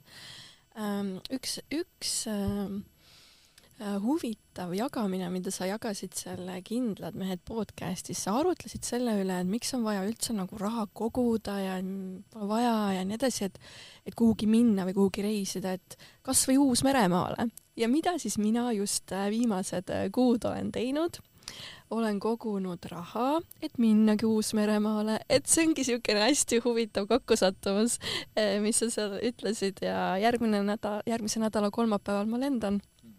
Jaa, et ähm, aga tõesti jah, mul ei ole nagu need rahaasjad alati nagu läbivalt terve elu nagu kuigi head olnud, et pidevalt on mingi raskustunne hakkab tekkima, kui ma hakkan mingit enda asja nagu looma. ja mulle tegelikult meeldib see, mis sa räägid, et me loome raha läbi enda. võib, et võib-olla sa võiksidki nagu seda avada rohkem, et mis see nagu tähendab? Kui meil on jah kollektiivsed uskumused, et äh, raha loomine käib läbi selle, et ma teenin raha ehk tõstan raha juba ülespoole, kui ma ise olen, siis ma ei loo seda tegelikult omast väest. et kui me kehastume siia reaalsusesse, sellesse, kus sa täna nagu oled, niinimetatud 3D materiaalsus, siis tegelikult me oleme juba siia sündides loonud endale juba raha ette tegelikult. ja mõistus ei saa sellest aru tegelikult me tuleme siia küllusest teadus, me sünnime siia külluse teaduses. või, noh, see külluse teadus on ka selline nii ja naa jälle, et äh, ma pigem nik-, ütleksin rikkuses. et me oleme sündinud rikkuses siia, sellepärast et äh, väga paljud sellised valgusmaatriksi õpetused on küllusest teinud ka mingi sellise imeliku sellise sageduse, et äh, ma ütlengi, et istud kodus ja teed paar tseremon-, tseremo-, tseremo-, tseremooniat kuskilt seal nurgas ära ja siis hommikul lähed vaatad, et ongi varakamber kulda täis aga ei toimi. see on, see on üks loome osa, on see, et sa tegelikult äh, teadvustad, et sa tegelikult oled selle rikkuse juba loonud ja mida sa teed, see on see, et sa animeerid seda oma 3D reaalsusesse praegult läbi oma tegudega. see tähendab seda, et sa teed samme selleks, astud, teed midagi. ja see, kuidas ta nagu avaneb, on see, et sa teed midagi sellist, mis paneb sind sisemiselt äh, särama ja kergust andma. ja kui sa näed juba, et see tekitab raskust, siis sa hakkad läbi varju looma seda. Ehk sa, sa mõnes mõttes juba ütled sellele kõigele, mida sa oled loomas, praeguses hetkes juba ütled, et see on tehtud. sa vaatad sellele nagu tagasi. mitte see ei tule, vaid see on juba tehtud. jaa, mul vahepeal tuleb sisse mingi see, et miks see juba ei ole ja miks see ei tule ja tuleb selline nagu vaikselt hakkab selline toon nagu tulema sisse, vaata. just, aga kui sa nagu teadvustad seda, et tegelikult minevikku ja tulevikku ei ole ju olemas, et sa lood ju isegi selle, kui sa kunagi koged seda noh, rikkust, see on ka ju praeguses hetkes, eks. noh, tegelikult me kogeme oma vananemist ja noor, kõike, mida praeguses hetkes, eks. et kui sa ütled juba ära, et ma olen selle ära loonud ja hakkad seda nagu siis läbi oma tegudega, sammude, seda, seda oma, oma ellu nagu animeerima, ehk tegema, elama seda elu siis, ütleks siis nii. Mitte si-, mitte siis, kui, et ma selle saan, et siis, siis minuga juhtub, vaid see juba on sul noh, mõned õpetused, varasemad õpetused, Külluse teadusõpetus on ka seda nagu maininud, aga ma ei ole, mul ei ole see kohal nagu selles mõttes kohale jõudnud veel, eks. aga mis on takistus jälle, on huvitav koht. jälle need varasemad programmid ja uskumused. siis kui ma hakkasin nagu vaatama, et mida tähendab rikkus minu jaoks, siis tulid kohe üles niisugused teemad nagu, et äh, rikkus tähendab ahnust näiteks minu jaoks. rikkus tähendab seda, et äh, on äh, näiteks äh, pahatahtlikult manipuleeritud rahaga, et pätid ja kaabakad omavad ainult raha, oli uskumus sees, eks. rikkus tähendab seda, et sinna peab julmalt nagu energiat sisse panema, hommikust õhtuni tööd tegema, noh, kõik sellised uskumused on lükanud mulle selle nagu kanali nagu kinni. Sellepärast see ei ole tõde. kui sa oled juba elus näiteks loonud mingeid rahalisi vahendeid näiteks, siis see on uskumus see, et kui ma uuesti hakkan neid looma, see võtab sama kaua aega. ja kui sa juba näed, et sa varasemalt oled loonud seda nagu neid küllust, ükskõik, või seda rahalist rikkust oled loonud nagu mingi kümme-viisteist aastat, on ju, siis sa oled kramplikult kinni, siis sa, sinu, sinu see kogemus ütleb, et kui ma sellest nüüd ilma jään, siis ma pean jälle viisteist aastat looma aa jaa ma saan aru, mis see on. aga ma olen loonud äh, raha niimoodi, et mis ma varasemalt olen loonud näiteks mingi kümne aastaga, ma olen seda teinud võib-olla mingi kahe-kolme kuuga.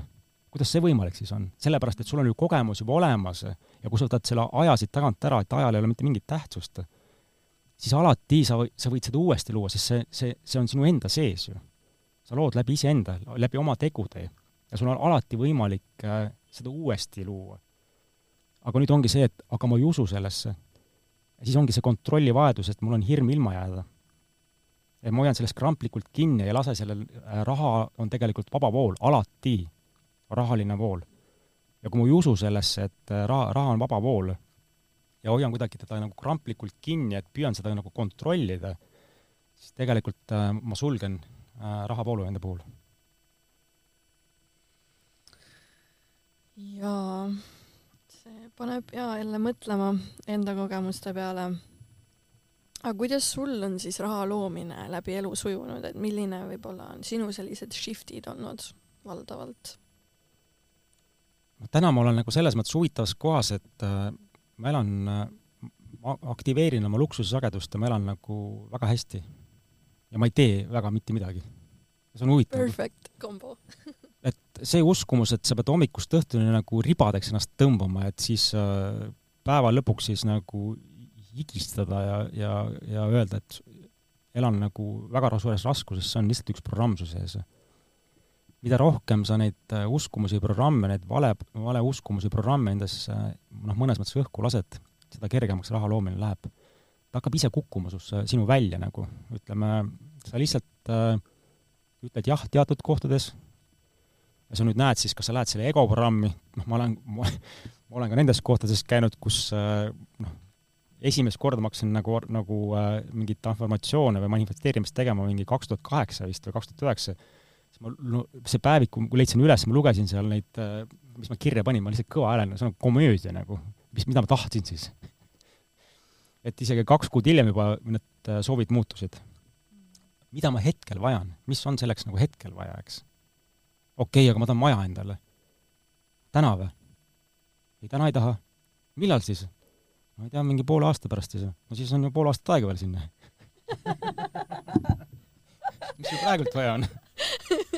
ma tahaks reisima minna. kuhu? Uus-Meremaale? täna või? ei, täna ei taha. millal tahad siis? no kuu aja pärast. no siis on ju, see olemas sul sa hakkad nagu täiesti nagu ära muutma, see ehk äh, sa teadvustad, et see tuleb ja maandub sulle, kui sa oskad nagu päriselt jah öelda ja sa oled puhas nendest alateadlikest uskumustest ja mustritest, mis võtavad su väe ära. kuidas sina puhastasid ennast niimoodi? no siin on olemas äh, spetsiaalsed tehnikad ikkagi ja ma siin ei hakkaks nendest väga nagu spetsiifiliselt rääkima, aga siin on olemas teatud äh, tehnikad, kuidas äh, oma varju lahustada või lahti ühendada ja kui sa nagu päriselt seda teed ja pühendud sellesse, siis äh, sa tunned, et äh, su teadus muutub. see võib võtta küll mingi aeg, aega, aga kindel on see, et me kõik muutume läbi selle, et me kõik tuleme sellest üks päev läbi ja varem või hiljem, et see ongi see, et äh, suures pildis kõik on nagu on. et sul on varem äh, võimalus võib-olla siis äh, nautida seda elu, mida sa päriselt oled elama tulnud siia. no täpselt, äh, mis sa ise arvad, miks sa oled täna siis nii-öelda nii ligitõmbav ja nii aktiveeriv, et mis on see X-faktor, mis sinus on? Ma ise näen, et see võib minu puhul olla selline ehedus ikkagi, et ma olen see, kes ma olen. mind väga ei huvita, mida keegi minust arvab, ma olen sellest kuidagi läbi läinud, et mida teised minust arvavad, sest noh, tehes isegi kuus aastat äh, või seitse, seitse aastat selliseid nõustamisi, äh, ka väga tuntud ärimeestele näiteks, keda ma varasemalt nagu altpoolt üles vaatasin ja arvasin, et nemad ongi nagu siis jumalad minu jaoks, siis kui nad lõpuks istuvad mul mõnes mõttes nagu siis teraapiaruumis vastas ja ütlevad, on tegelikult väga õnnetud nagu, eks. ja küsivad minu käest, et kuidas sa sellisesse heasse kohta oled jõudnud, on ju, siis see kuidagi on päris kõvasti tõstnud mind ja ma ütlen, et äh, ma olen täna jõudnud kohta, et äh, raha loomine on ülimalt äge, sest raha, raha nagu annab äh, mõnes mõttes ikkagi väga suure vabaduse sulle, just oma unistused täide viia. Et seda on hea enda käest küsida, et äh, kui mul on kui mul on, kui ma olen nagu rikas päriselt, kuidas ma siis elaksin siis, mis on, mis valikud ma siis teeksin? see on nagu täielik vabadus tegelikult kõike valida ja ma, ma näengi, et see rahaline vabadus võib anda sulle täieliku sellise võime veel rohkem oma potentsiaali avastada. sellepärast et, ja ka armastuse energia, sest ma näen, et kui, kui elada nagu puuduse teaduses või sellises kitsikuses ja hingitsemises, ma ei ole väga niisuguseid selliseid inimesi näinud, kes, kes nagu väga raskes rahalises olukorras, kes nagu ellujäämise režiimil on, on, käivad ringi ja naeravad, on üline armastuses, on et väga tihti on seal mingisugune jälle mingi lugu taga ja mängi mingit rolli või maski kannan, et oi, ma olen nii õnnelik, on ju, ja lähen maailma lõppu ja, ja tegelikult lähed koju, hakkad jälle külluse raamatuid otsima, et kuidas nagu raha endale luua, eks. No täpselt, mul oli ka niimoodi, et ma käisin, oli raha küll käia retriitidel, mingitel koosviibimistel, mingites ringides, aga pärast vaatas tühi rahakott mulle vastu, onju. aga siis see oligi see koht, kus ma nagu vastutust ei näinud võtta nagu. ja siis tagantjärgi nüüd näen seda läbi, vaata. jaa, ma olen täpselt samas kohas olnud ja ülimalt tänulik, et selle läbi teinud jälle, et äh, ja ma ei anna sinna ka oma väge ära, ütlen, et vaata, mis siis juhtus, onju, et aitäh, et see olukord on nagu tehtud nüüd jälle, et see on nagu linnuke on kirjas, et okei okay,, ma nüüd lähen edasi. see koge-, see kogemus on tehtud ja raha loomises on hästi oluline ka tegelikult pühendumine, pühendumine sellele, mida sa nagu ise läbi enda energia siis luua tahad. et äh, võib-olla räägid, kui, kui oluline on ja kuidas see mõjutab üldse rahaloomet, see kvaliteet, pühendumise kvaliteet? no kogu loome on üldse tegelikult pühendumine. see, see tegelikult tähendab seda, et sa paned kogu oma energia sinna sisse. see ei ole nii, et ma, natukene teen ja vaatan ja siis teen sealt natukene, ma ise ka ei tea, mida ma tahan tegelikult, noh. üks päev tuli see üks äh, niisugune laul tuli sinna sisse, mul tütar on seitsmeaastane, siis tahan, ei taha, ma ise ei tea. Siis loon selle koha pealt nagu, onju. mida sa lood siis? Seda ka ei tee, lõpuks loodki seda, tahan, ei taha, ise ka ei tea, mida tahan, onju. Et sa koged seda, kui sa tahad nagu päriselt elus midagi luua, siis sa nagu sukeldud täiega sinna sisse, paned kogu oma energia sinna sisse kogu aeg ja valid seda usaldada. et see tuleb, eks. nüüd on hea koht vaadata, kas ma teen seda sellepärast, et ma ei tea, teised teevad ka, tahaks ka teha, on ju. mina ka. mina tahan ka teha, sellepärast et tema tegi ka samat asja, siis mina olen ka tema on ka joogaõpetaja tahangi õppima minna. tema oskab ka kakaot teha ja siis äh, teed samat asja nagu, eks. Aga sinu sisemine unikaalsus on hoopis midagi muud võib-olla. võib-olla sa oled hoopis see, kes äh, paate ehitab, ma ei tea. kuidas sa saad sellega kokku üldse, kui sa ei anna endale võimalust üldse sellega kokku saadagi? ja kogu aeg nagu jälgid, et mida teised teevad. sa annad oma väe sinna ära, sellepärast et ma ütlen, mina enda puhul nagu nägin selle, selle koha ära, et minu vägi oli kinni seal jälle, kus ma ütlesin, et äh, sinna ma kuhugi, sinna, elus ma ei lähe sinna seda ma küll tegema ei hakka. Podcast'e või? kuule, võta rahust nüüd päriselt ka. podcast'e ma küll elus tegema ei hakka.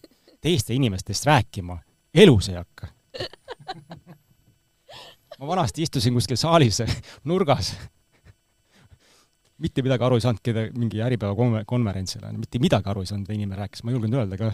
ma mõtlesin, et saan püsti, siis kõik vaatavad, see on täiesti soe vend ikka, noh ma mäletan üks naine. jah, siis üks naine tõusis püsti, ütles, et sellele õpetajale mingisugusele, et ma ei saa mitte aru, mitte midagi aru, mida te räägite. terve saal hakkas plaksutama siis keegi ei julgenud öelda ja siis ma mõtlesin, et mina nagu, kes seal saali nurgas nagu istub, mitte ühtegi piuksu ka ei tee, täiesti introvert, noh, kes käib peidus kuskil, on, tulen nagu rahva ette, hakkan rääkima või. kuule, unusta ära. ja siis äh, no ja mida ma teinud nagu olengi nagu siis äh, ongi see, et äh, aga mind ei huvita, mida keegi arvab, et kui see on minu jaoks ebamugav koht, siis ma sinna just lähengi. kui seda ma kindlasti teha ei taha ja seal tekib vastupanu, vot sinna ma just lähengi. ja seal on see kuld minu jaoks olnud. see on puhas kuld, sellepärast et äh, need programmid ongi noh, see on nagu kood praegu, mis ma annan, et, äh, et sinu alateadlik programm ehk vari valetab alati. alati valetab ja kui sa usud seda varju pläga ja jama nagu, siis annad oma väe ära. Ja ta, ta, ta teeb mida iganes, et sa ei avaneks oma tõelise potentsiaali unikaalsusele. ta teeb mida iganes. miks see meile külge on pandud? see on jälle see koht, et mis, mis vahet seal, et pandi meile külge, sul on võimalik seda muuta.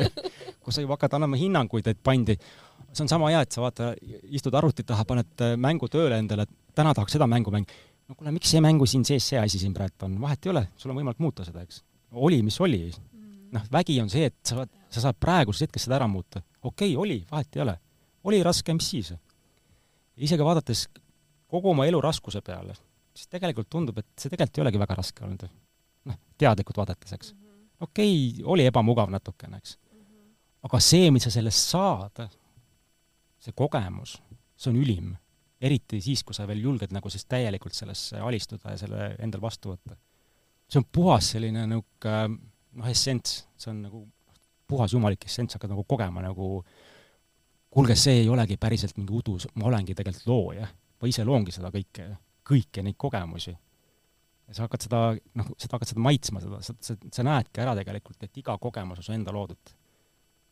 ajaliselt äh,, värviliselt, kõiges nagu näed, et see on kõik minu looming. ja kui sa nagu näed seda kohta, et see on su enda looming, on hea koht siis vaadata, et kas ma annan selle hinnangu või ütlen, et ägedalt loodud, isegi siis, kui see hetkel võib-olla mõistus ütleb, et see oli vale. aa jaa, muidugi, me oleme väga aldis ju enda, enda kogemustele hinnanguid andma. jaa. huumor, ma arvan, et see, mis äh, selline lapselik mängulisus ja huumor on see, mis elus edasi viib. et äh, mingi aeg tegin äh, meestelaagreid ja üks laagritest oli inspiratsioonilaager, mida ma ka meestele tegin ja siis see inspiratsioonilaagris oligi see, et kuidas aktiveerida oma potentsiaal ja oma inspiratsiooni iseenda sees. ja seal oli huvitav koht, et mul lihtsalt kuidagi kanaldus sisse see, et kui ma seal laagris olin, teadmata, et ma seda teen, selline praktika, mida sa võid ise ka teha. ja see praktika oli selline, et sa kujutad ette, et sa oled äh, nelja-viieaastane laps näiteks, mina väiksest peast, nelja-viieaastane, noh, sina siis tüdruk, mina poiss, eks. ja ma, ja ma ei ole siia maailma tulnud veel. ja ma täiega nagu noh, tulen selle maailma nagu suur maailm, ma ei tea, kuidas see käib siin, ja siis ma olen täna see, kes ma olen, selles vanuses, nagu ma olen, eks.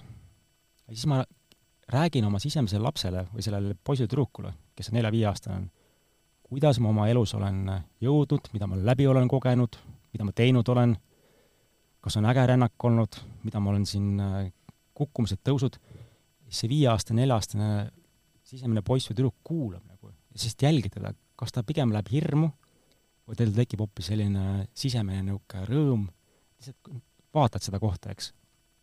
ja järgmine tasand on see, et kui sa juba oled näiteks seal, noh, ma näen, et meie vanus muutub siin kardinaalselt, me hakkame elama üle saja aasta kõik siin mingi hetk juba. ma ise näen, et ma elan üle saja aasta rahulikult juba.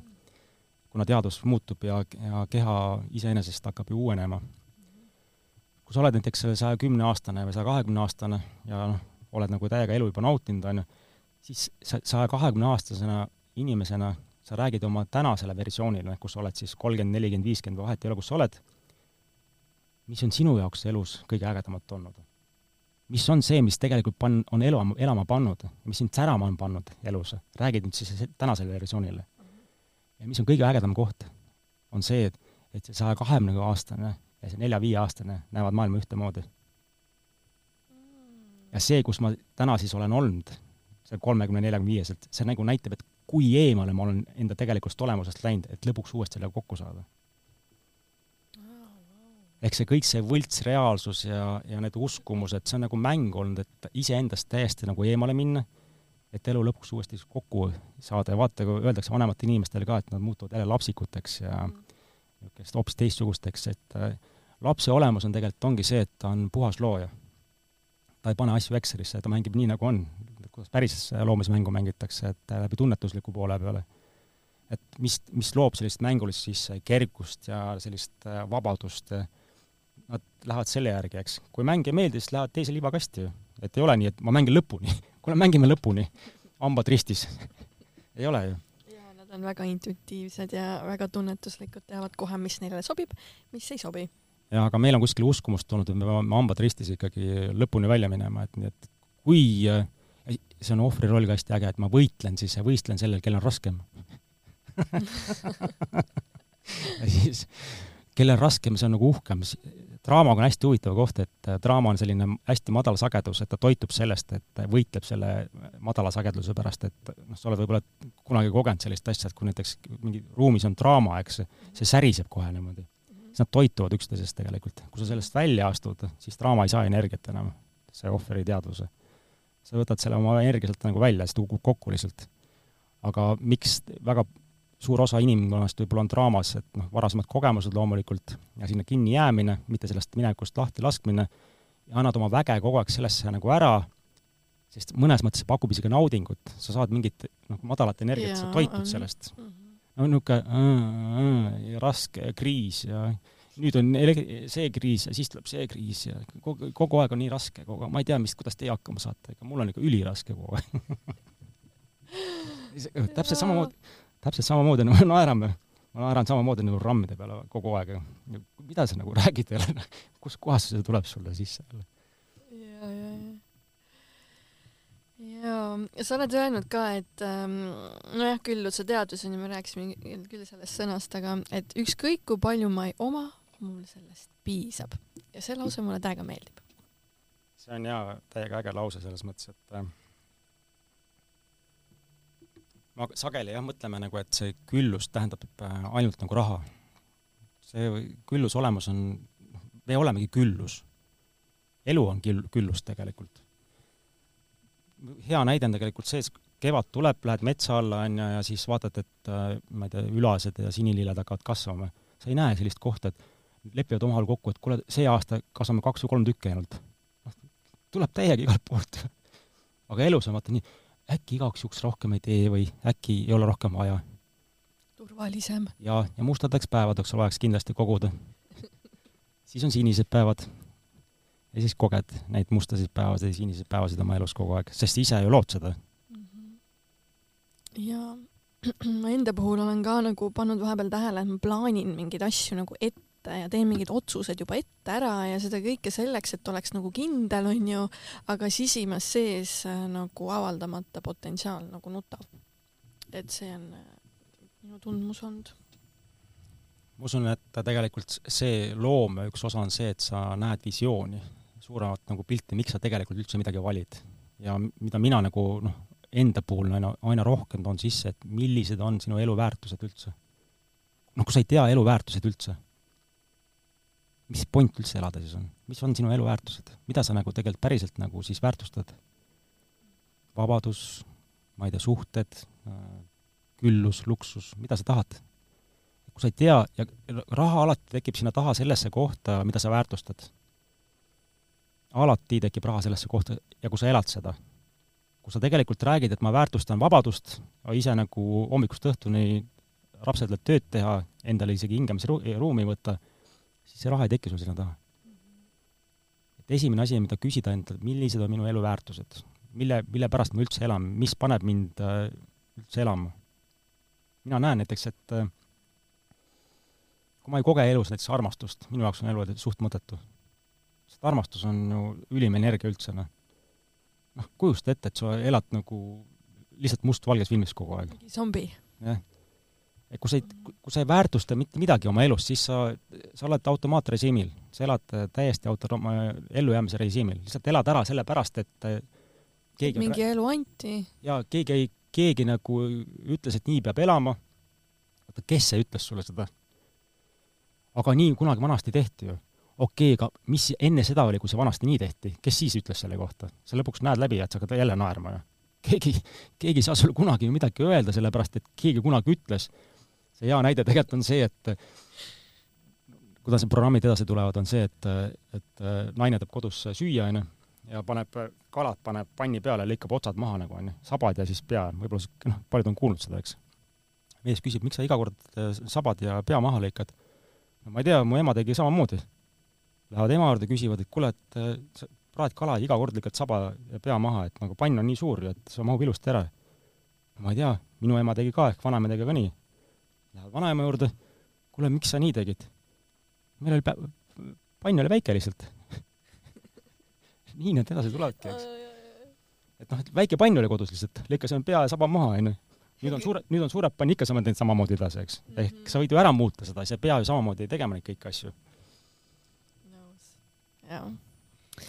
nii et äh, muudame ära need raha, rahauskumused ilusti, et minna ikka küllusesse, külluse poole.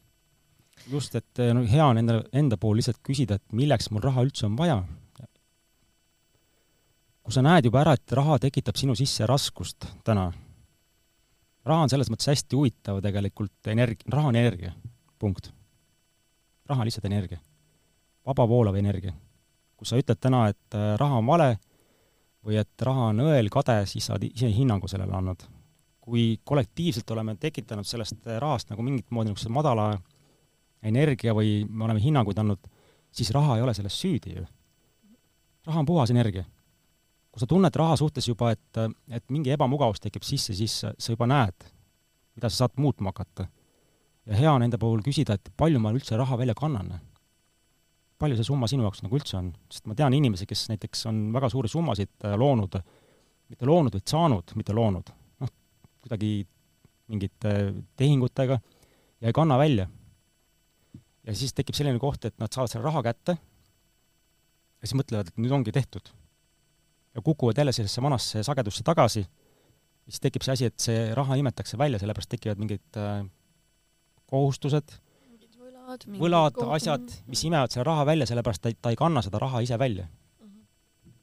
ja nüüd ongi hea koht, et kui sa enda, mida rohkem sa enda sees ära puhastad seda, ehk see raha nagu maandub su teadvusesse, su energia välja, siis ta jääb sinna sisse. ja hea on ka raha, rahatarkust natukene omandada sealjuures. finantsteadust, just, et, et ega see ei põhiasi ongi see, et ega see ei muutu mitte kunagi, et sa lihtsalt nagu, kui sa tahad midagi muuta, siis äh, süvene, uuri, muuda enda sees neid asju. muuda oma teadvust, äh, oma mindset'i, kõik muutub läbi selle. kui sa ütled, et sa ei viitsi sellega tege-, tegeleda, sul pole aega, siis aega pole ka olemas tegelikult, on ju, siis annad sinnagi oma väe ära tegelikult. sa saad, see muutus toimub alati ainult sinu iseenda sa muudad läbi seda kõike, mida sa koged läbi iseenda, sa ei saa oma partnerit muuta, sa ei saa oma ema, isa muuta, oma lapsi muuta, sest sul ei ole väge selleks. sul on väge ainult iseennast muuta. aga uskumus on see, et ma muudan väliselt inimesed ära ja siis mul on, elame õnnelikku elu, sa ei muutu mitte kunagi, sellepärast et äh, sul ei ole väge tegelikult teiste inimeste üle. sa arvad, et sul jälle on kontroll ja vägi nende üle, tegelikult ei ole jah, kõik me teemegi iseendale ja sa ütlesid ka ennem alguses, et ma teen kõike iseenda pärast ja, ja need on äh, väga head mõtted. Äh, võib-olla lõpetuseks siin natukene puudutaks seda meheks olemist ka, et et kuna sa võib-olla päriselt tundsid, et sa nüüd oled meheks saanud, ma tean, et see on nagu olnud ka su jaoks nagu noh, teekond ikkagi, et sa ei ole nagu seda tundnud mingitel eluperioodidel, et kuida-, kuna see? No üks suurem muutus toimus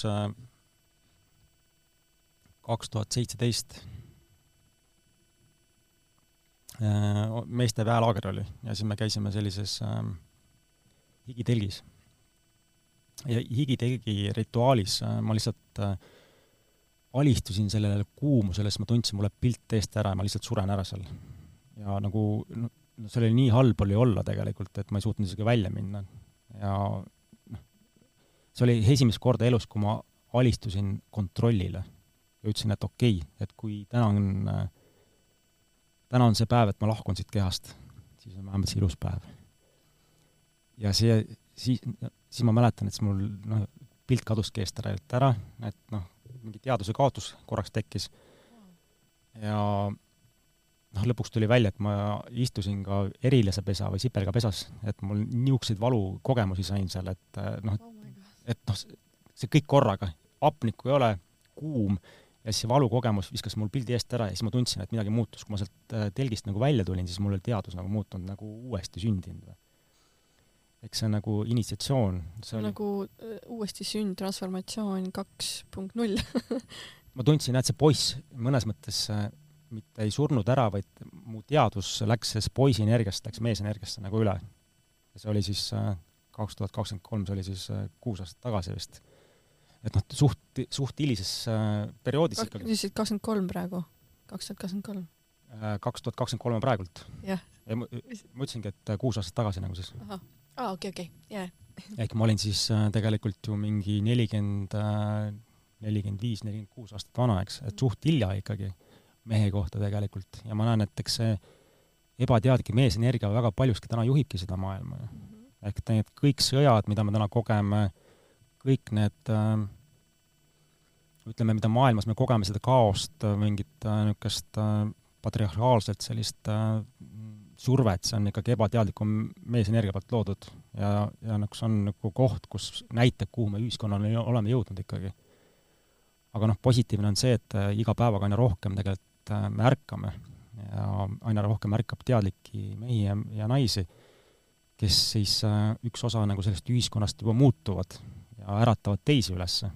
Ja see ongi see äge, et me tegelikult olemegi siia tulnud üksteist äratama kokkuvõttes ja läbi selle ärkamegi, et äh, julgeme olla need, kes me oleme, oma eheduses, julgeme välja öelda asju, mis tegelikult äh, sisemiselt ei ole tõde, ja läbi selle me äratame üksteist. ja mis on äge, on see, et meie kollektiivteadus muutub kogu aeg, see on hoopis teistsugune, mis ta oli aasta tagasi, mis ta oli kaks aastat tagasi, õhk äh, läheb selgemaks, pilt äh, ilusamaks, värvid äh, tulevad tagasi vaikselt.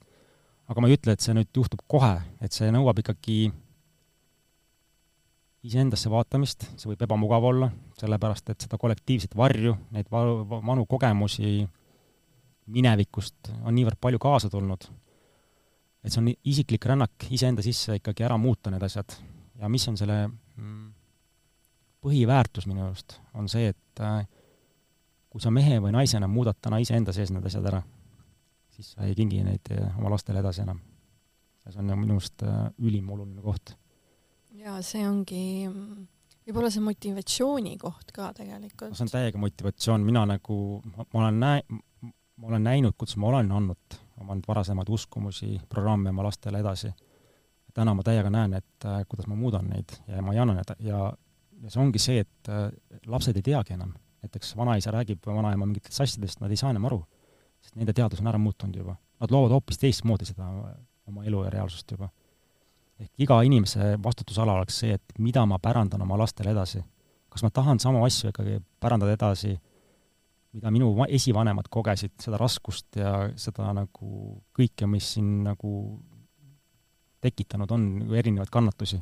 või siis seda, seda naeru, mida me siin naersime just ennem. just mina olen valinud liikuda ainult sinna, kus on rohkem kergust, rõõmu, vabadust ja armastust ja punkt. ma lihtsalt liigun sinna, mind ei huvita.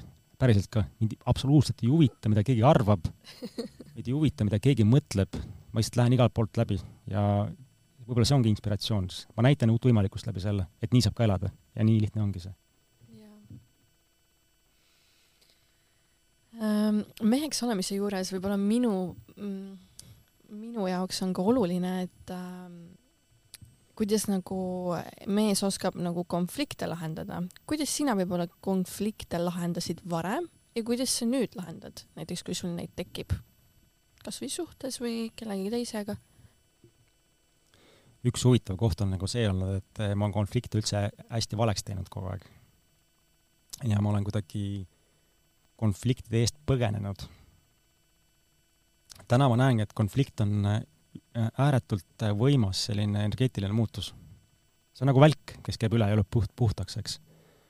aga jaa, ma olen nõus, et äh, kuna varasemalt konfliktid tekitasid minu sisse ebamugavust ja ebamugavus on alati see, et midagi hakkab muutuma, see kordus mu reaalsuses hakkab muutuma, midagi uut tahab sisse tulla, uus sagedus tahab sisse tulla ja see uus sagedus on natukene teistsugune, seda on ebamugav vastu võtta, siis ma olen ära põgenenud või siis äh, läbi sellise reaktsiooni ebateadliku vihaenergia ja raevu nagu püüdnud lahendada neid äh, konflikte.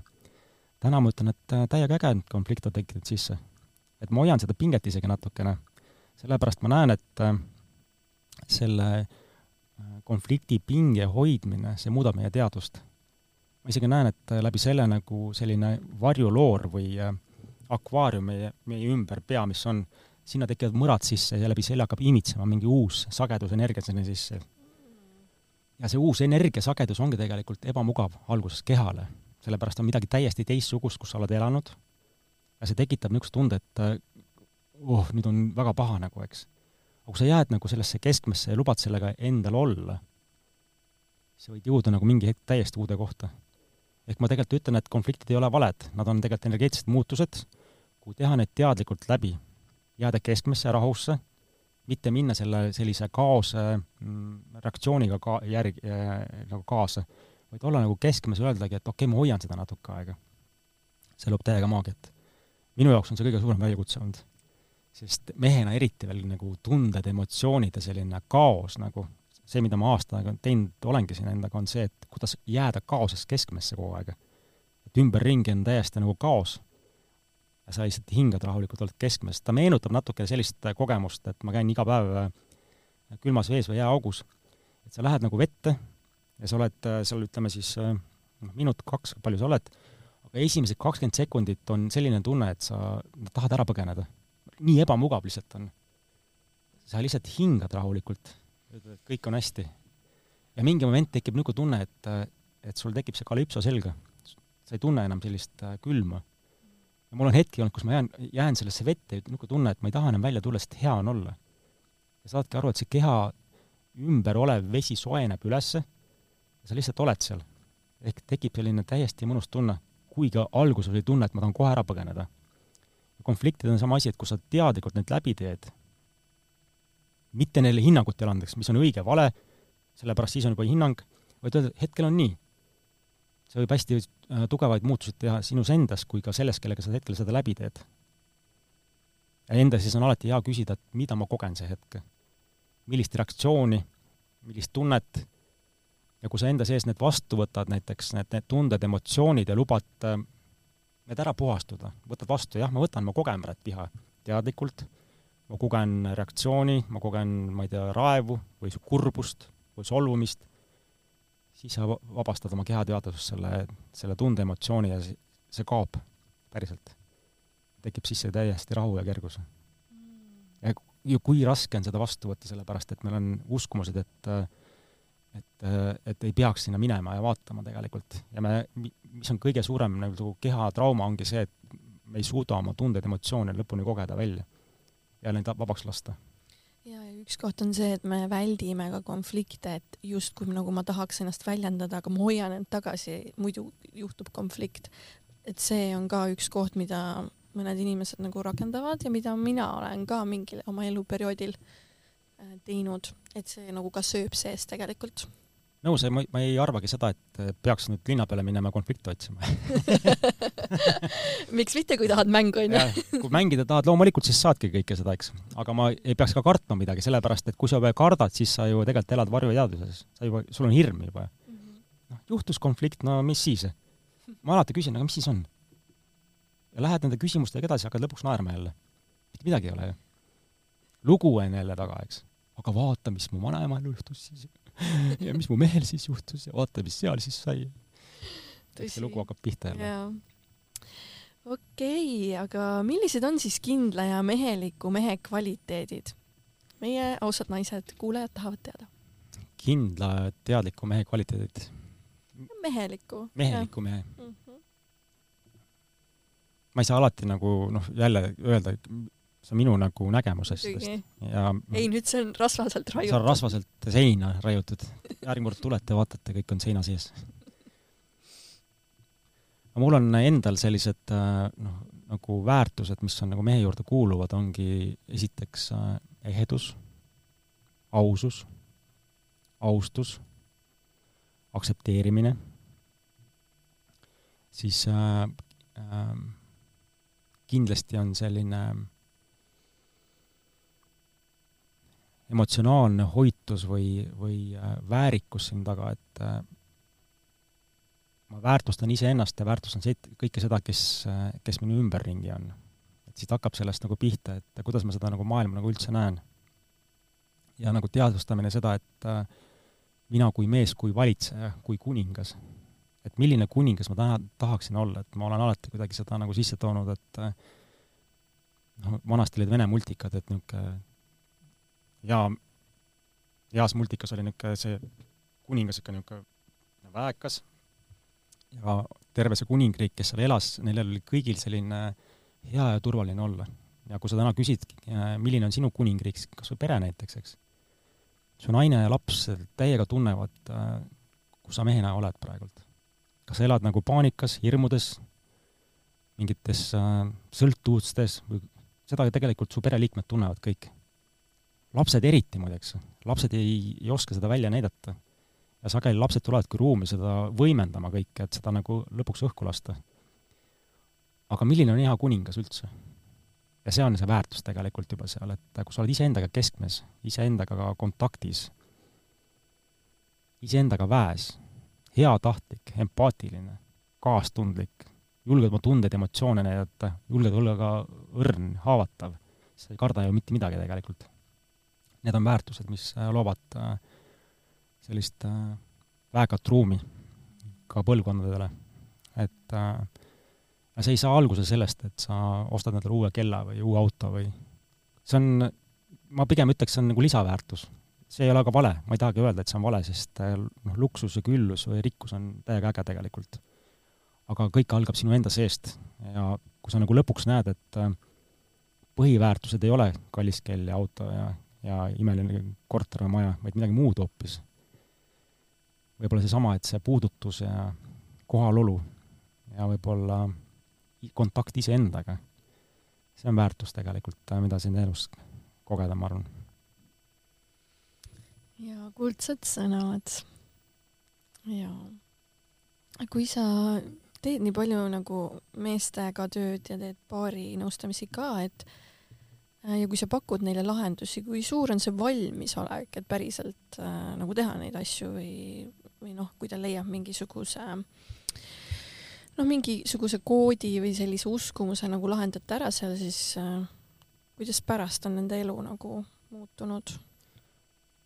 no üks asi, mida ma kindlasti nägin läbi, oli see, et äh, minu jaoks on kaks ülimalt väärtust, on äh, minu eluenergia minu aeg ja ma otsustasin, ma ei jaga äh, inimestega seda, kes ei pühendu. kunagi, kunagi, noh, see on jälle kogemus, eks, ma kunagi alustasin äh, niimoodi üks-ühele töötamist või nõustamiste tegemist või teraapiate tegemist, siis äh, oli aeg, kus äh, ma ei küsinudki tasu eriti. noh, et inimene tuli nagu, andsin oma aja sinna, oma kvaliteedi, tund-kaks nädala aja pärast oli tagasi, mitte midagi muutunud ei olnud, siis ma sain aru, et see ju päris nii ei käi ikkagi, et siis küsisin, et okei okay,, et viiskümmend eurot on tund, et äh, järgmine kord inimene tuli juba, siis äh, midagi oli ta enda sees juba ära teinud. ja täna ma võtan üks-ühele nõustamistes ainult neid inimesi, kes äh, päriselt tahavad muutust saada. kes on päriselt nõus, nõus pühenduma, kes ütlevadki, et nad enam nii ei taha, ja siis ma nagu annan oma energia sinna ja, ja siis toimuvadki väga tugevad muutused. Ehk kui sa ise täna ei ole valmis ja arvad, et keegi tuleb, teeb sind korda, siis see on, see on illusioon. illusioon, jah, et see on illusioonist lahti laskmine. mina ei tee sind korda, mitte keegi ei tee sind korda, vaid ma võin näidata sulle uut võimalikkust läbi oma kogemuste, läbi oma mingite tead-, teadlikkuse, aga need muutused teed sa iseenda sees ära. kui sa julged minna ja need muutused teha enda sees ära. See on rännak iseendasse ikkagi, mida mina nagu teha saan, on see, et ma lihtsalt jälgin sind, teatud kohtades hoian sulle ruumi, aga sa pead ise nagu valmis olema pühenduma.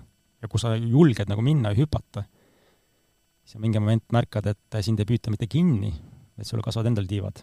ja see on niisugune, ise võid kujustada, kas siis oled fööniks või kotkas, kes lendab ringi ja naerab kõige peale hästi kirjeldatud. Jaa, mm, no kaks viimast küsimust vist ongi jäänud, et äh, millist tuge mehed vajavad, et naised neile pakuksid, kui neil on raske või noh, üldse? Põhiasi, mida mehed tegelikult vajavad, on see, et eh, nad on mõistetud. see on ülim tegelikult, et, eh, et mõistad, et ma ei oskagi praegult. naiste, naiste puhul ma olen teinud ka naistele nõustamise, on see, et mina olen nii palju eest ära läinud ja see jobu ei tule järgi minuga üldse, ma jätan ta nüüd maha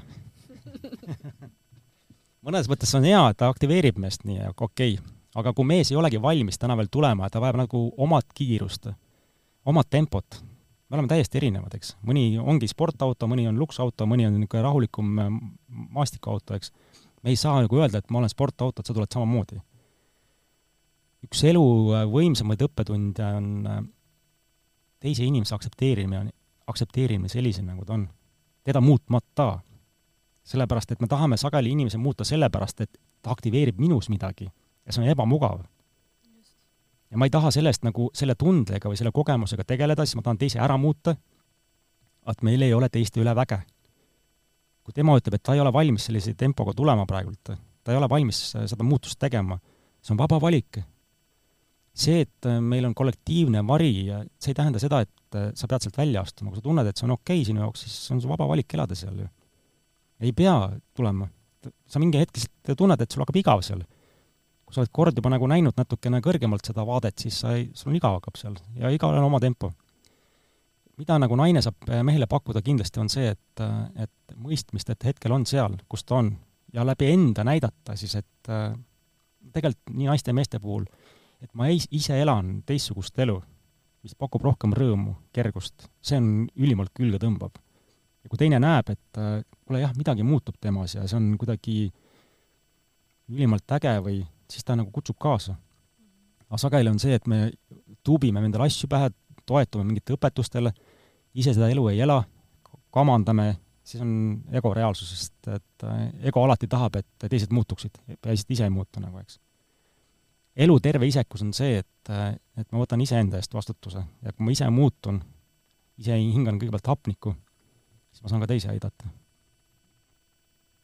ehk naiste puhul kindlasti see, et mõistmine, mehe mõistmine, et ta on hetkel seal, kus ta on, ja anda talle nagu aega ja ruumi oma samme teha, mitte liiga survestada, aga läbi iseenda näidata, et näed, et nii saab ka elada.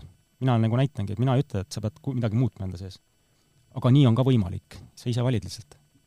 üks võimalikkuseid Äh, sul oli just hiljuti ka vaikuselaager, mida sa nüüd, äh, ma ei tea, mingite perioodide jooksul nagu korraldad, et kuidas see läks ja mis on järgnevad plaanid? see vaikuselaager lükkus edasi, kuna Aa. ma ei saanud gruppi kokku. et see tuleb nüüd kakskümmend seitse kuni kakskümmend üheksa aprill ja huvitav on lihtsalt see, et äh,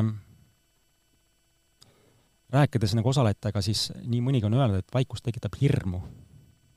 tekitabki ja ma ei tea, kas sa oled käinud sellel Vipassanal? mina olen käinud jah okay., ma olen, ma olen seitsmes päevasel käinud ja kuna noh, kollektiivselt on ikka niivõrd palju nagu raskust ja hirmu üles on tõmmanud, siis on mingi uskumus tekkinud, et äh, vaikusse minek on veel raskem.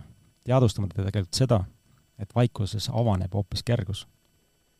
see on minu nagu enda kogemus, et see on üks väga tugev uskumus, et sa lähed vaikusesse ja oled vaikses, vaikuses ilma telefonita, oma internetita, et siis on nagu raske olla. see on nüüd üks lugu. minu kogemus on see, et kui sa nagu päriselt oled vaikuses ja nagu heas hoitud ruumis, siis äh, seal avaneb sinu tegeline potentsiaal ja kergus ja seal hakkad hoopis teistmoodi nagu looma aga mis sa järgmiseks äh, planeerid? okei okay,, tuleb see vaikuselaager, kas miskit on veel plaanis? ma täna olen selles kohas, et ma ei tee üldse nagu, ma ei tee, sellepärast et äh, üsna sageli on see, et äh, aga miks ma pean tegema seda üldse? ei peagi et kui mulle endale ei paku see, minu sõnum on see, et kordused on loomingu surm. see on punkt. ma tegin seda. ja sa tegelikult näed, et sa ei naudi seda enam ju see ei ole see, et see paneb sul sisemiselt äh, rõõmu tundma ja, ja särama, vaid see, et okei okay,, see on mugav, see on lihtne, ma olen seda nii palju teinud, inimesed lihtsalt tulevad, aga kaob ära selline noh, säde või kirg sealt tagant. ja täna ma see ongi koht, et peab mingi muutuse tegema. just, ja selles kohas nagu midagi kinni panna ehk ohverdada. su ellu ei saa mitte kunagi ei suhet tulla, uut suhet, ei paremat võimalust, kui sa midagi ära ei ohverda, noh, see ohverdamine sõna muidugi nii ja naa, sa võid seda teistmoodi mõelda, lahti lasta näiteks või ükskõik, kuidas sa tahad. aga kui sa annad midagi ära, siis tahab midagi uut tekkida. ja minu nagu see kogemus on see, et äh, kui ma ütlen, et äh, miks ma seda teen, kas kellegi teiste pärast või iseenda pärast, ja kui ma näen juba, et ma teen kellegi teise pärast seda, siis ma ei ole ehe. kui mina tunnen rõõmu sellest ja see on minu jaoks nagu ülim äh, looming, siis see magnetiseerib neid inimesi sinna tulema. ja täna ma valin nagu päriselt, et äh, miks ma seda teen raha pärast, mingi hetk tegi, täiega tegin raha pärast. oota, palju inimesi on? kaksteist, kolmteist, kurat, äkki ei tule välja ikka rahadega. äkki ei tea, mis siis saab nagu onju, näed kogu aeg niisuguseid programme. ja ei teinud puhtast kohast, eks. ja või siis see, et äh, tegelikult ma ei viitsi seda teha, onju, aga kuidagi peab ära elama ikkagi ju. ehk siis need, need rahad peab ju üürid ära maksma ja mingit toitu ostma, ehk juba ei tee puhtast kohast. siis see uskumus on see, et kui ma seda ei teeks praegult, siis ma lõpetaksin, ma ei tea, kus ja kui sa lähed nendest hirmudest läbi, aga kus ma siis lõpetan? ma ühe inimese käest küsisin, et aga mis siis on, kui sa ei, ei saa, ei saa neid asju teha? no ma ei tea, siis ma pean ema juurde tagasi minema. aga mis, mis siis juhtub, kui sa ema juurde tagasi lähed? mõtlesin, et mitte midagi ei juhtu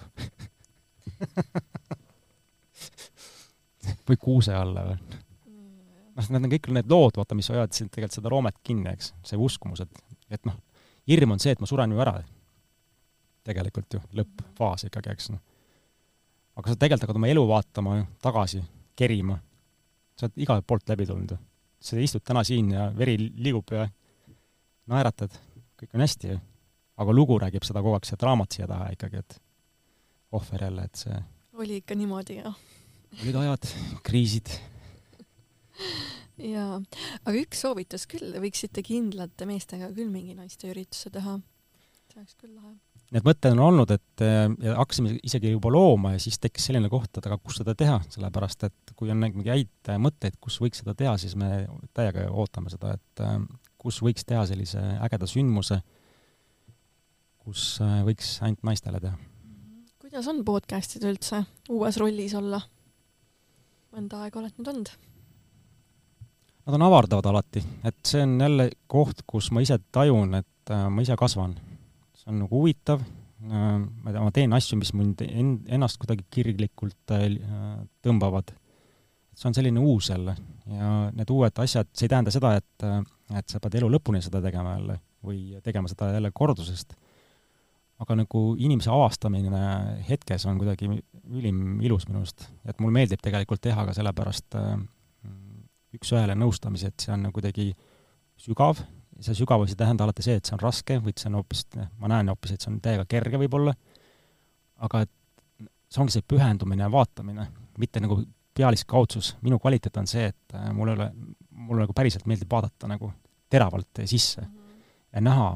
Jaa, see on su olemuses ka, ma nagu tajun seda, et äh, sinu nõustamisel on kohe nagu, seal on see, seal on see et seal mul päriselt ja meeldib kuidagi näidata ära, et kus su vägi kinni on jäänud ma näen, mul on võime kuidagi näha ära haagid või energeetilised lekked, kus inimesel see vägi on kinni. ja kui see vägi ju, see sisemine kuld avaneb sealt, see on ülimalt ilus, kui inimene lihtsalt nagu näebki, et vau, siit midagi nüüd täiega tuli. ja sa hakkad hoopis teistmoodi elu looma. lahe.